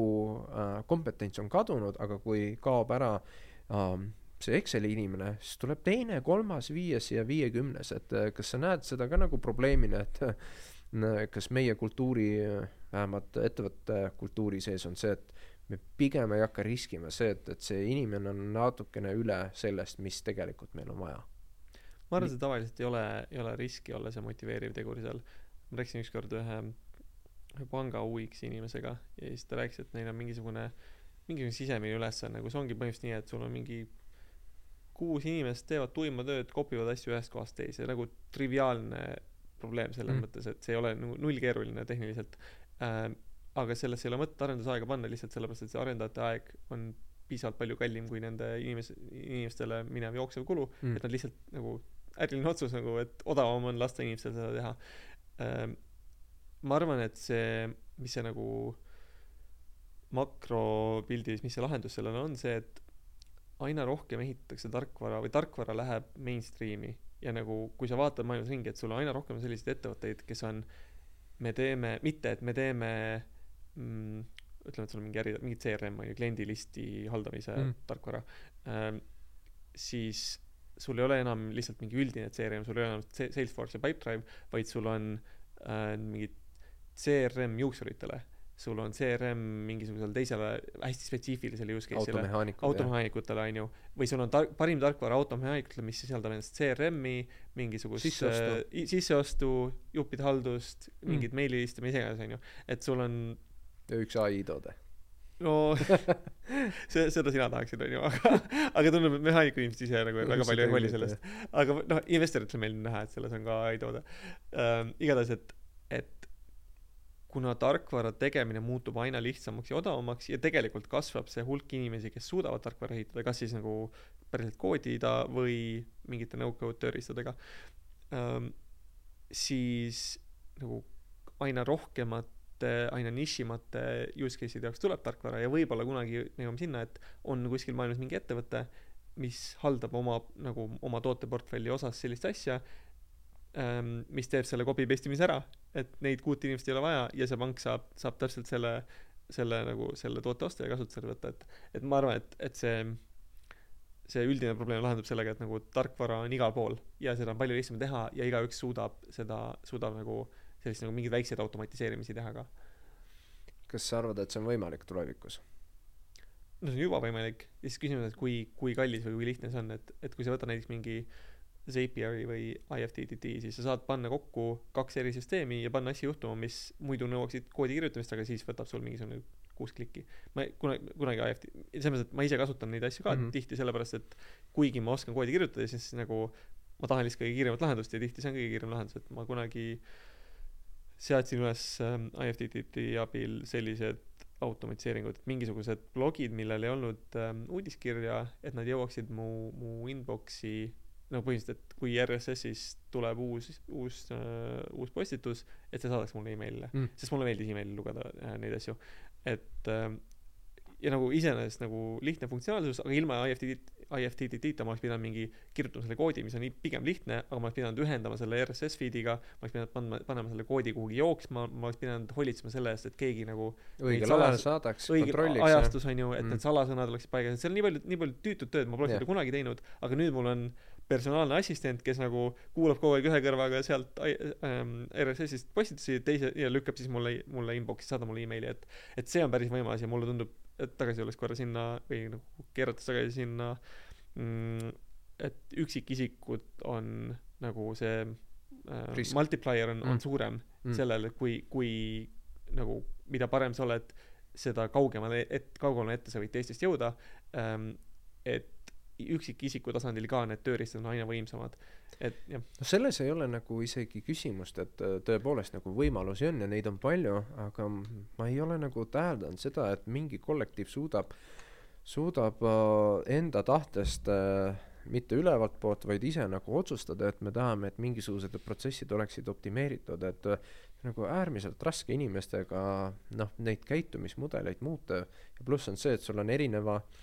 ma ei tea, kas äh, ma ei tea, kas intellektuaalne võimekus või lihtsalt mingisugune sisemine tahe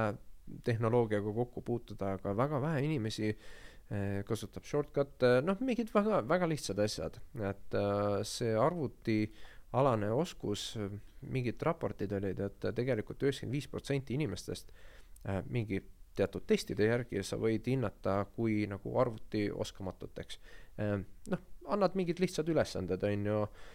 command control F, mingisugused ühed teised asjad, kas ta teab midagi, et äh, see tundub nagu väga suur väljakutse, et äh, mõni inimene nagu harjutaks ennast ümber, mitte see, et ta läheb hiirega mingisuguseid asju tegema. ma olen näinud väga õudseid asju, mida inimesed Excelis teevad. see, me räägime sellest, et mingisugused asjad võtavad pool päeva. ja noh, tekib küsimus, on ju, aga samas ma saan aru, et äh, noh, oletame, et äh, selles Excelis on mingisugune tekst, mida oleks vaja parsida läbi mingi regeksi. noh, ei ole, ei tea, mis mingisugune äh, tuumateadus, aga keskmisele inimesele tundub, et see on juba arendus. selleks, et sa saaksid mingisugused spetsiifilised tükid välja võtta, rõks, kõik read nagu valmis, on ju, ja viie minutiga valmis. see inimene võtab, on ju, need numbrid, tootekoodid ja kõik asjad, võtab selle päeva ette ja hakkab seda tegema. ma ei tea, ma ei usu muidugi, et äh, et äh, sellele on mingisugune lahendus, ainult see, et sa kogu aeg nagu suunad mingid sarnased ülesanded juba kvalifitseeritud tiimile, nad juba mõtlevad välja, mis see kõige optimaalsem lahendus on, et põhimõtteliselt ei jõua selle inimese juurde, kes tegeleb näiteks müügiga, sest kui müügiinimene on pigem selles, et ta on inimeste inimene, peab mingi hetk hakkama tegema mingisuguseid, ma ei tea, kas newsletter eid, mis iganes, on ju, mingisuguseid raporteid, siis paraku ta jookseb ikkagi nende samade probleemide sisse, et hakkab selle hiirega klikkima neli tundi läbi asju. jah et see su su pessimism selle osas et kas kas see muutub ma arvan et see muutub selles mõttes et üks üks on see et nagu kui sa vaatad võtad kogu maailma populatsiooni siis iga sekund ühest otsast surevad ära need kes ei oska arvutit kasutada teisest otsast tulevad need kes sünnivad niimoodi et noh ma ei tea kuidas seitsme aasta pärast või no mingi viie aasta pärast kolme aasta pärast kui need kes täna sünnivad need lapsed kui nad saavad kolm või viis või seitse või kümme et kas siis nagu äh, nutitelefon ikkagi veel põhiline meetod millega nad äh, nagu kuidas öelda siis internetti ei- no, kasutavad või põhiline compute device mis on lihtne. jah aga igatahes et nende jaoks see on nagu see on normaalne nad ei ole näinud kunagi muud maailma kui see et kus nad räägivad oma sõpradega peamiselt läbi telefoni Mm. jaoks isegi läpaka kasutamine võib-olla nad natuke juba selline nagu Too much. no mitte too much aga nagu selline nagu Milleks? eraldi tegevus vaata Jah. et sa nagu sa oled harjunud et sul telefonis saab kõik asjad ära teha Äh, et äh, nagu see on üks lahendus lihtsalt aeg läheb mööda ja inimesed harjuvad sellega ja see on noh see võtab kaua sest see on see on põlvkondade vahetumine sisuliselt on see lühidalt kokkuvõttes Te- aga teine asi on see et äh, sul on ma arvan et koroonaaeg ilmselt kirjeldas seda kaugtööga et sul lihtsalt on majanduslik incentive osata seda. Sa saad kõrgemat palka kui sa suudad arvutit paremini kasutada. Ja mida aeg edasi ma arvan et seda rohkem see on tõsi. E- ja ma ei räägi nagu programmeerimisest ma räägin seda et kui sa suudad teha eh, nagu sa suudad teha sama töö ära mida see see teine tüüp teeb käsitsi Mm. sa teed selle kolmekümne sekundiga siis lihtsalt noh lõpuks sulle makstakse kõrgemat palka kas siis samas ettevõttes või kui sind seal ei hinnata siis sa lähed teise kohta kus on natuke rohkem vaja sellist keegi ei taha et käsitööd tehtaks ja nii et et see on ikkagi surve on sinnapoole et sa et sa ei raiskaks aega. Kui kui on võimalik mitte raisata aega siis lõpuks ikkagi see nagu see nagu evolutsiooniline surve viib sinna. See on kindlasti tõsi et et igasuguses organisatsioonis mida suurem on sealt rohkem on sellist ähm, inertsi ja ma arvan on et see palgal inimene ta sa seda sa oled ära ostnud tema aja ja selles mõttes kui tal ei ole mitte midagi muud teha siis las ta istub nagu kaheksa tundi teeb sedasama asja. Jah aga nagu selles mõttes et see inerts kas siis protsessi või inimeste või mis iganes mõttes et seal on noh seal on nagu kaks lahendust jällegi. Üks on see et ettevõtte keskmine eluiga on palju lühem kui inimese keskmine eluiga ja äh, see tähendab seda et need ettevõtted kes nagu enam ettevõtted null mis nullist alustavad nad saavad uuesti oma protsessi teha ja nad teevad ilmselt nad paremini. Mm. ja teine on see et need ettevõtted kes suudavad vähem raisata neil on kas kõrgem kasum või madal madal madalam hind ja nad lõpuks turul ilmselt võidavad. Et see on ma, nagu seal ma arvan äh, on nagu vähem on veel kiirem see asend- asendusprotsess kui üksikisiku tasandil. No see on see miks startup'id on ju lähevad nendest vahest öö, suurtest korporatiivlahendustest ka üle sellepärast et nes lihtsalt on paindlikud. Jah ja siis lõpuks nes- sellest startup'ist saab ise suur korpo ja siis tuleb teine järgmine startup kes seal kes nemad äh, disrupt ib onju mm. nojah sest äh, alati on ikkagi see vähemalt arvamus ühiskonnas et me oleme kuidagi digitaliseerinud ühi- digitaliseeritud ühiskond onju aga tundub et nagu faktid ütlevad ikkagi pigem seda et äh, me kasutame asju nii nagu me sõidame autoga onju et me mingi hetk õppisime midagi ära siis ülejäänud asjad toimuvad lihtsalt automaatselt vahet ei ole et kas need on optimaalsed või ei ole optimaalsed lihtsalt teeme seda ja lähme äh, sa mõtled Eestis või või üldse üleüldse aga noh meil on see ikkagi nii-öelda arusaam sellest et meil on digitaalne ühiskond ja mm. -hmm. me, me oskame ja meil inimesed teavad asjadest onju äh, vähemalt äh, välismaalastele tekitatakse see mulje et äh, et äh, see on ikka digiriik ja siin wifi on metsas ja kõik muu mm -hmm. aga paraku sellist vaadates äh, ma arvan lihtsalt nagu igasugune teine et, noh ettevõte mis saavutab selle platoo tal on piisavalt ressurssi selleks et hoida rohkem inimesi rohkem kui vaja ja siis keegi ei hakka süvenema sellesse kas need protsessid on optimaalsed või mitte sellepärast et sa oled sa oled juba selle break even'i ära teinud ja sa enam ei muretse sellepärast et kui sul on kümme-viisteist inimest siis sa vaatad et igaüks teeb maksimaalselt palju oleks maksimaalselt loominguline ja süsteemne siis kui sul on sada viiskümmend siis on juba noh sa ei hakka ju igaühe juurde tulema küsima et kuule et millist nagu mõttesüsteemi sa kasutad siis kui sa äh, nii-öelda sul tuleb selline case kas sul on midagi onju kas sa dokumenteerid iseenesest muide seda võiks saada ja isegi vist on inimesi kes üritavad selle tuvastada automaatselt et kui sa teed midagi mis oleks väga lihtne mingi keyboard shortcut'iga teha või kiiremini teha et et pakkuda sulle see vari- variant või teha seda sinu eest et tuvastada sellist nagu mõttetut tööd aga noh ma nagu kindlasti seal on väga pikk tee mida saab minna mm. mm. Ma tahtsin äh, kommenteerida üh- ühte asja mis sa mis sa mainisid et meil on nagu tunne et Eesti on digiriik ja nii. No sõltub mille sõltub kus konteksti panna onju et lääneriikidega võrreldes Lääne-Euroopaga võrreldes äh, USA-ga võrreldes Eesti on tõesti on nagu suhteliselt ees. Äh, Šveitsis kui ma elasin siis ma ma olin šokeeritud et ma pean füüsiliselt kohale minema mingisse kontorisse põhimõtteliselt iga transaktsiooni jaoks. Mõnikord ma võisin paberkirja saata aga internetis ei olnud peaaegu ühtegi teenust. Ja ma olin lihtsalt nagu ma see on nagu kiviaeg või kuidagi tundus mulle et see täpselt samamoodi nagu keskajal tehti tehakse täna neid asju äh, aga mulle tundub Eesti on vähe- vähemalt kui sa vaatad seda tarkvara mida sa pead kasutama sa oled eesti.ee-s vist nüüd- see vist hiljuti uuendati või või Maksu- ja Tolliamet või mis iganes mis mida Mm. sa pead kasutama ähm, nagu selliseid e-teenuseid mis riik pakub me oleme jumala kaugel minevikus selles mõttes et kui sa vaatad mingi screenshot'e sellest milline nägi välja Facebook aastal kakskümmend kaheksa või milline nägi Orkut välja mis pandi kinni mingisugune kaks tuhat kümme või kaksteist või midagi Mm. sellist siis see on umbes see tase kus eesti.ee praegu on oma disainilt ja oma ülesehituselt ja nii et meie noh see on see on nagu hüpotees mis ma olen kuulnud ähm, Eesti digiriigi edu kohta on see, et meil ei olnud legacy't, see on see, miks me saime ehitada, sest me ehitasime nullist ja me Mm. ehitasime selle hetke tehnoloogiaga parima, mis me suutsime Mm. aga täna on see, et nüüd on meil ka legacy ja nüüd me peame õppima tegema niimoodi, et me, et me nagu me peame vahetama, olema piisavalt julged, et lõhkuda ja vahetada välja vanu, vanu süsteeme. ja see on palju raskem. see nagu, see, selles mõttes on nagu mul on, mulle meeldib olla startup ides, sellepärast et sa ehitad nullist üles ja sul ei ole seal mingit vana jama, mida sa pead välja vahetama. kui sa oled suures ettevõttes, siis sa teed teise versiooni samast asjast, sa pead mõtlema selle peale, kuidas see eelmine töötab äh,, kuidas sa tahad seda muuta, kuidas sa nagu äh, asendad kõik funktsionaalsused, mis eelmine äh, suutis implementeerida, asendad uues nagu, mis sa, nüüd teed nendega. et see on, see on palju raskem protsess ja nüüd me oleme, ma arvan, et Eesti riigina me oleme selle ees äh,. teiselt poolt üks, üks positiivne asi, mida ma tahan nagu, kui keegi äh, mul on tuttavaid, kes töötavad Eesti nagu digiriigi lahenduste kallal, ma ei, see ei ole kõik halb, nagu ma olen, ma märkisin ühte lahedat innovatsiooni hiljuti, on see, et äh, selline asi nagu single sign-on, mis on äh, umbes, et sa lähed mingile veebilehele, vajutad, logi sisse Google'iga, logi sisse Facebookiga, sa logid oma kontoga sisse, sa ei pea kunagi parooli ega midagi panema. et põhimõtteliselt selline samasugune asi on riigiasutustel ka nüüd olemas, neil on see äh, Tara on vist selle nimi Mm. äh,. ma puhtalt panin seda tähele kasutajana, et, et sa, sind suunatakse, sa vajutad nuppu, login sisse mingi Smart ID-ga, sind suunatakse mingile lehele, mis näeb alati samasugune välja, see on tsentraalselt ehitatud, hallatud süsteem, mis aitab sul sisse logida ja siis enam see nagu väldib raiskamist, sellepärast et iga, iga teenuse ehitaja riigis ei pea muretsema, et ta ehitab oma login süsteemi Mm. ja see tundub nagu, see on positiivne samm ja ma olin üllatunud, oh, nice. Nagu Samas hea, hea töö, hea töö Eesti, noh. et äh, selline single sign on lahendus jah, sest meil on ju seitse, kaheksa, viisi on ju, kuidas sa saaksid kuskile sisse alates pangast ja kõigest muust jah. kunagi ma vaatasin, on esitlus isegi Youtube'is üleval, meil on üks äh, noh, Eestis äh, tuntud äh, turvateenuste nii-öelda eksport äh, Clyde äh, Mägi äh,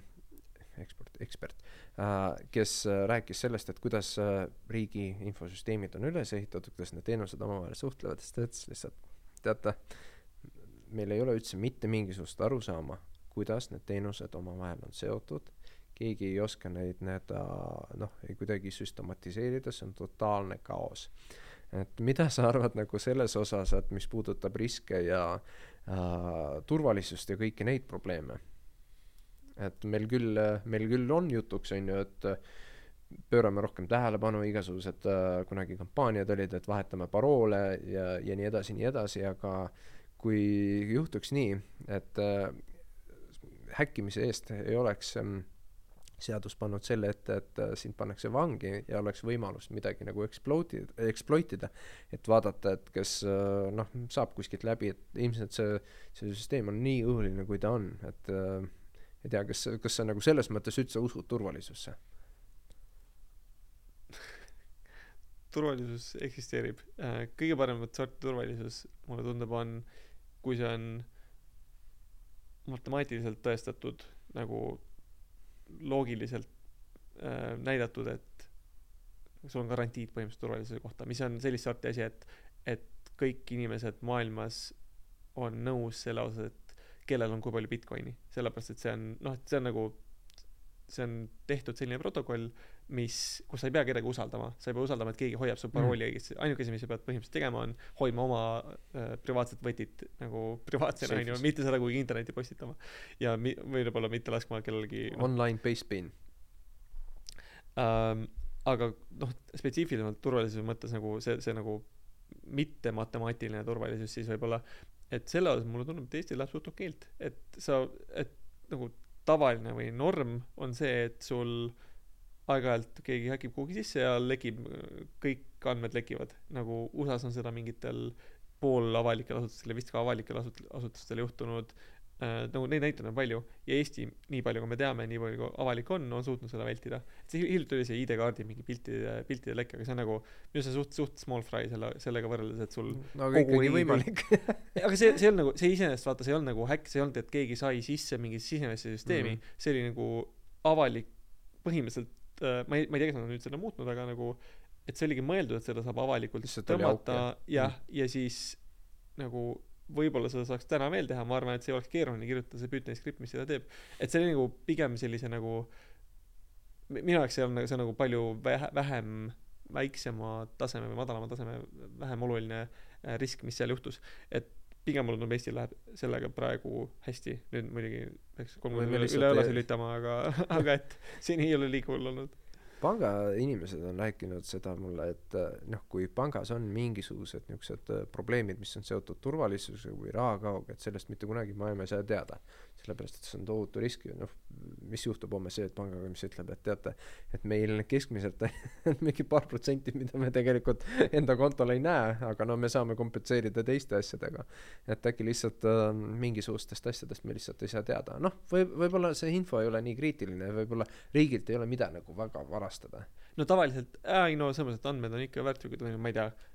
kasvõi nagu seda tehakse mingi staatuse ja lõbu pärast vaata või mingisuguse geopoliitilise nagu heituse pärast No et üks riik üks riik finantseerib sellist asja. Tavaliselt kuidas sellist asjadest teada saadakse ei ole noh head ettevõtted disclose ivad selle ise et juhtu- nagu saime teada et juhtus ja siis nagu hoiavad kasutajat kursis et see on see see on see on see parim tava. Äh, kõige nagu kui kui ettevõte sellist asja ei tee siis sa saad teada siis kui keegi lekitab selle internetti et see on nagu see on see kust sellised suurimad hullud asjad on välja tulnud. Sest Nord mingisugune VPN või mingi taoline üks päev Twitteris postitas, et we are unhackable, noh niuke turundusinimesed tulid ilmselt sellise loosungi peale nad said kohe mingi attack'i paar tundi,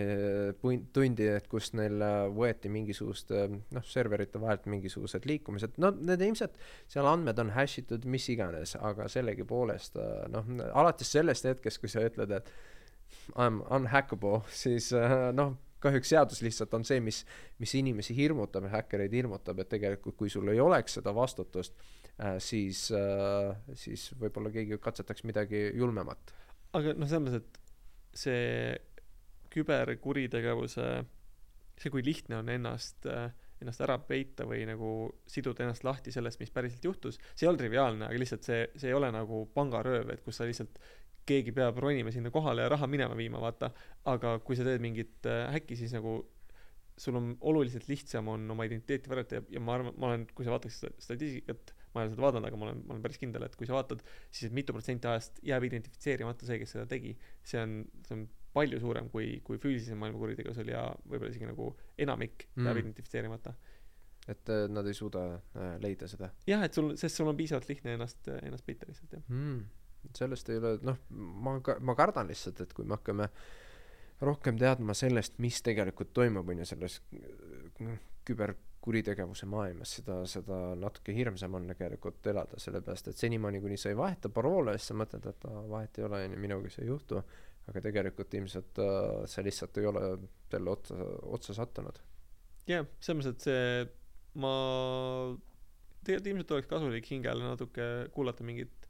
äh, ma ei mäleta selle nime enam aga mingisugune mm, küber kurjategijaid in- intervjueeriv või ja neid case'e kirjeldav podcast on äh, Darknet Diaries on vist selle nimi ma ise ei ole väga kuulanud seda aga Mis mul selle on nimi on? Darknet Diaries aa äh, mm. aga mulle on soovitatud seda et et kui sa tahad nagu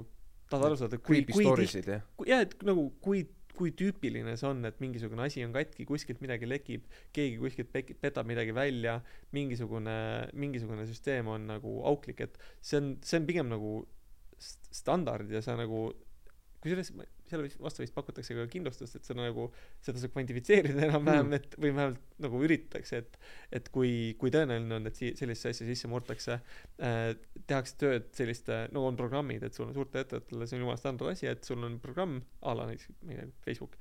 neil on kindlasti kuskil pro- programm mille nimi on midagi sellist nagu bug bounty äh, programm mm. kus kui sa raporteerid mingi bugi siis vastavalt selle kriitilisusele sa võid teenida kuni miljoneid selle eest et kui see on väga kriitiline bugi mi- mille abil sa muidu saaksid varastada andmeid siis sa nagu selle asemel seda seda exploit ida selle et seda ära kasutada enda huvides sa võid lasta neile endale anda hunniku raha selle Jah. eest ja mitte olla kuri et see on nagu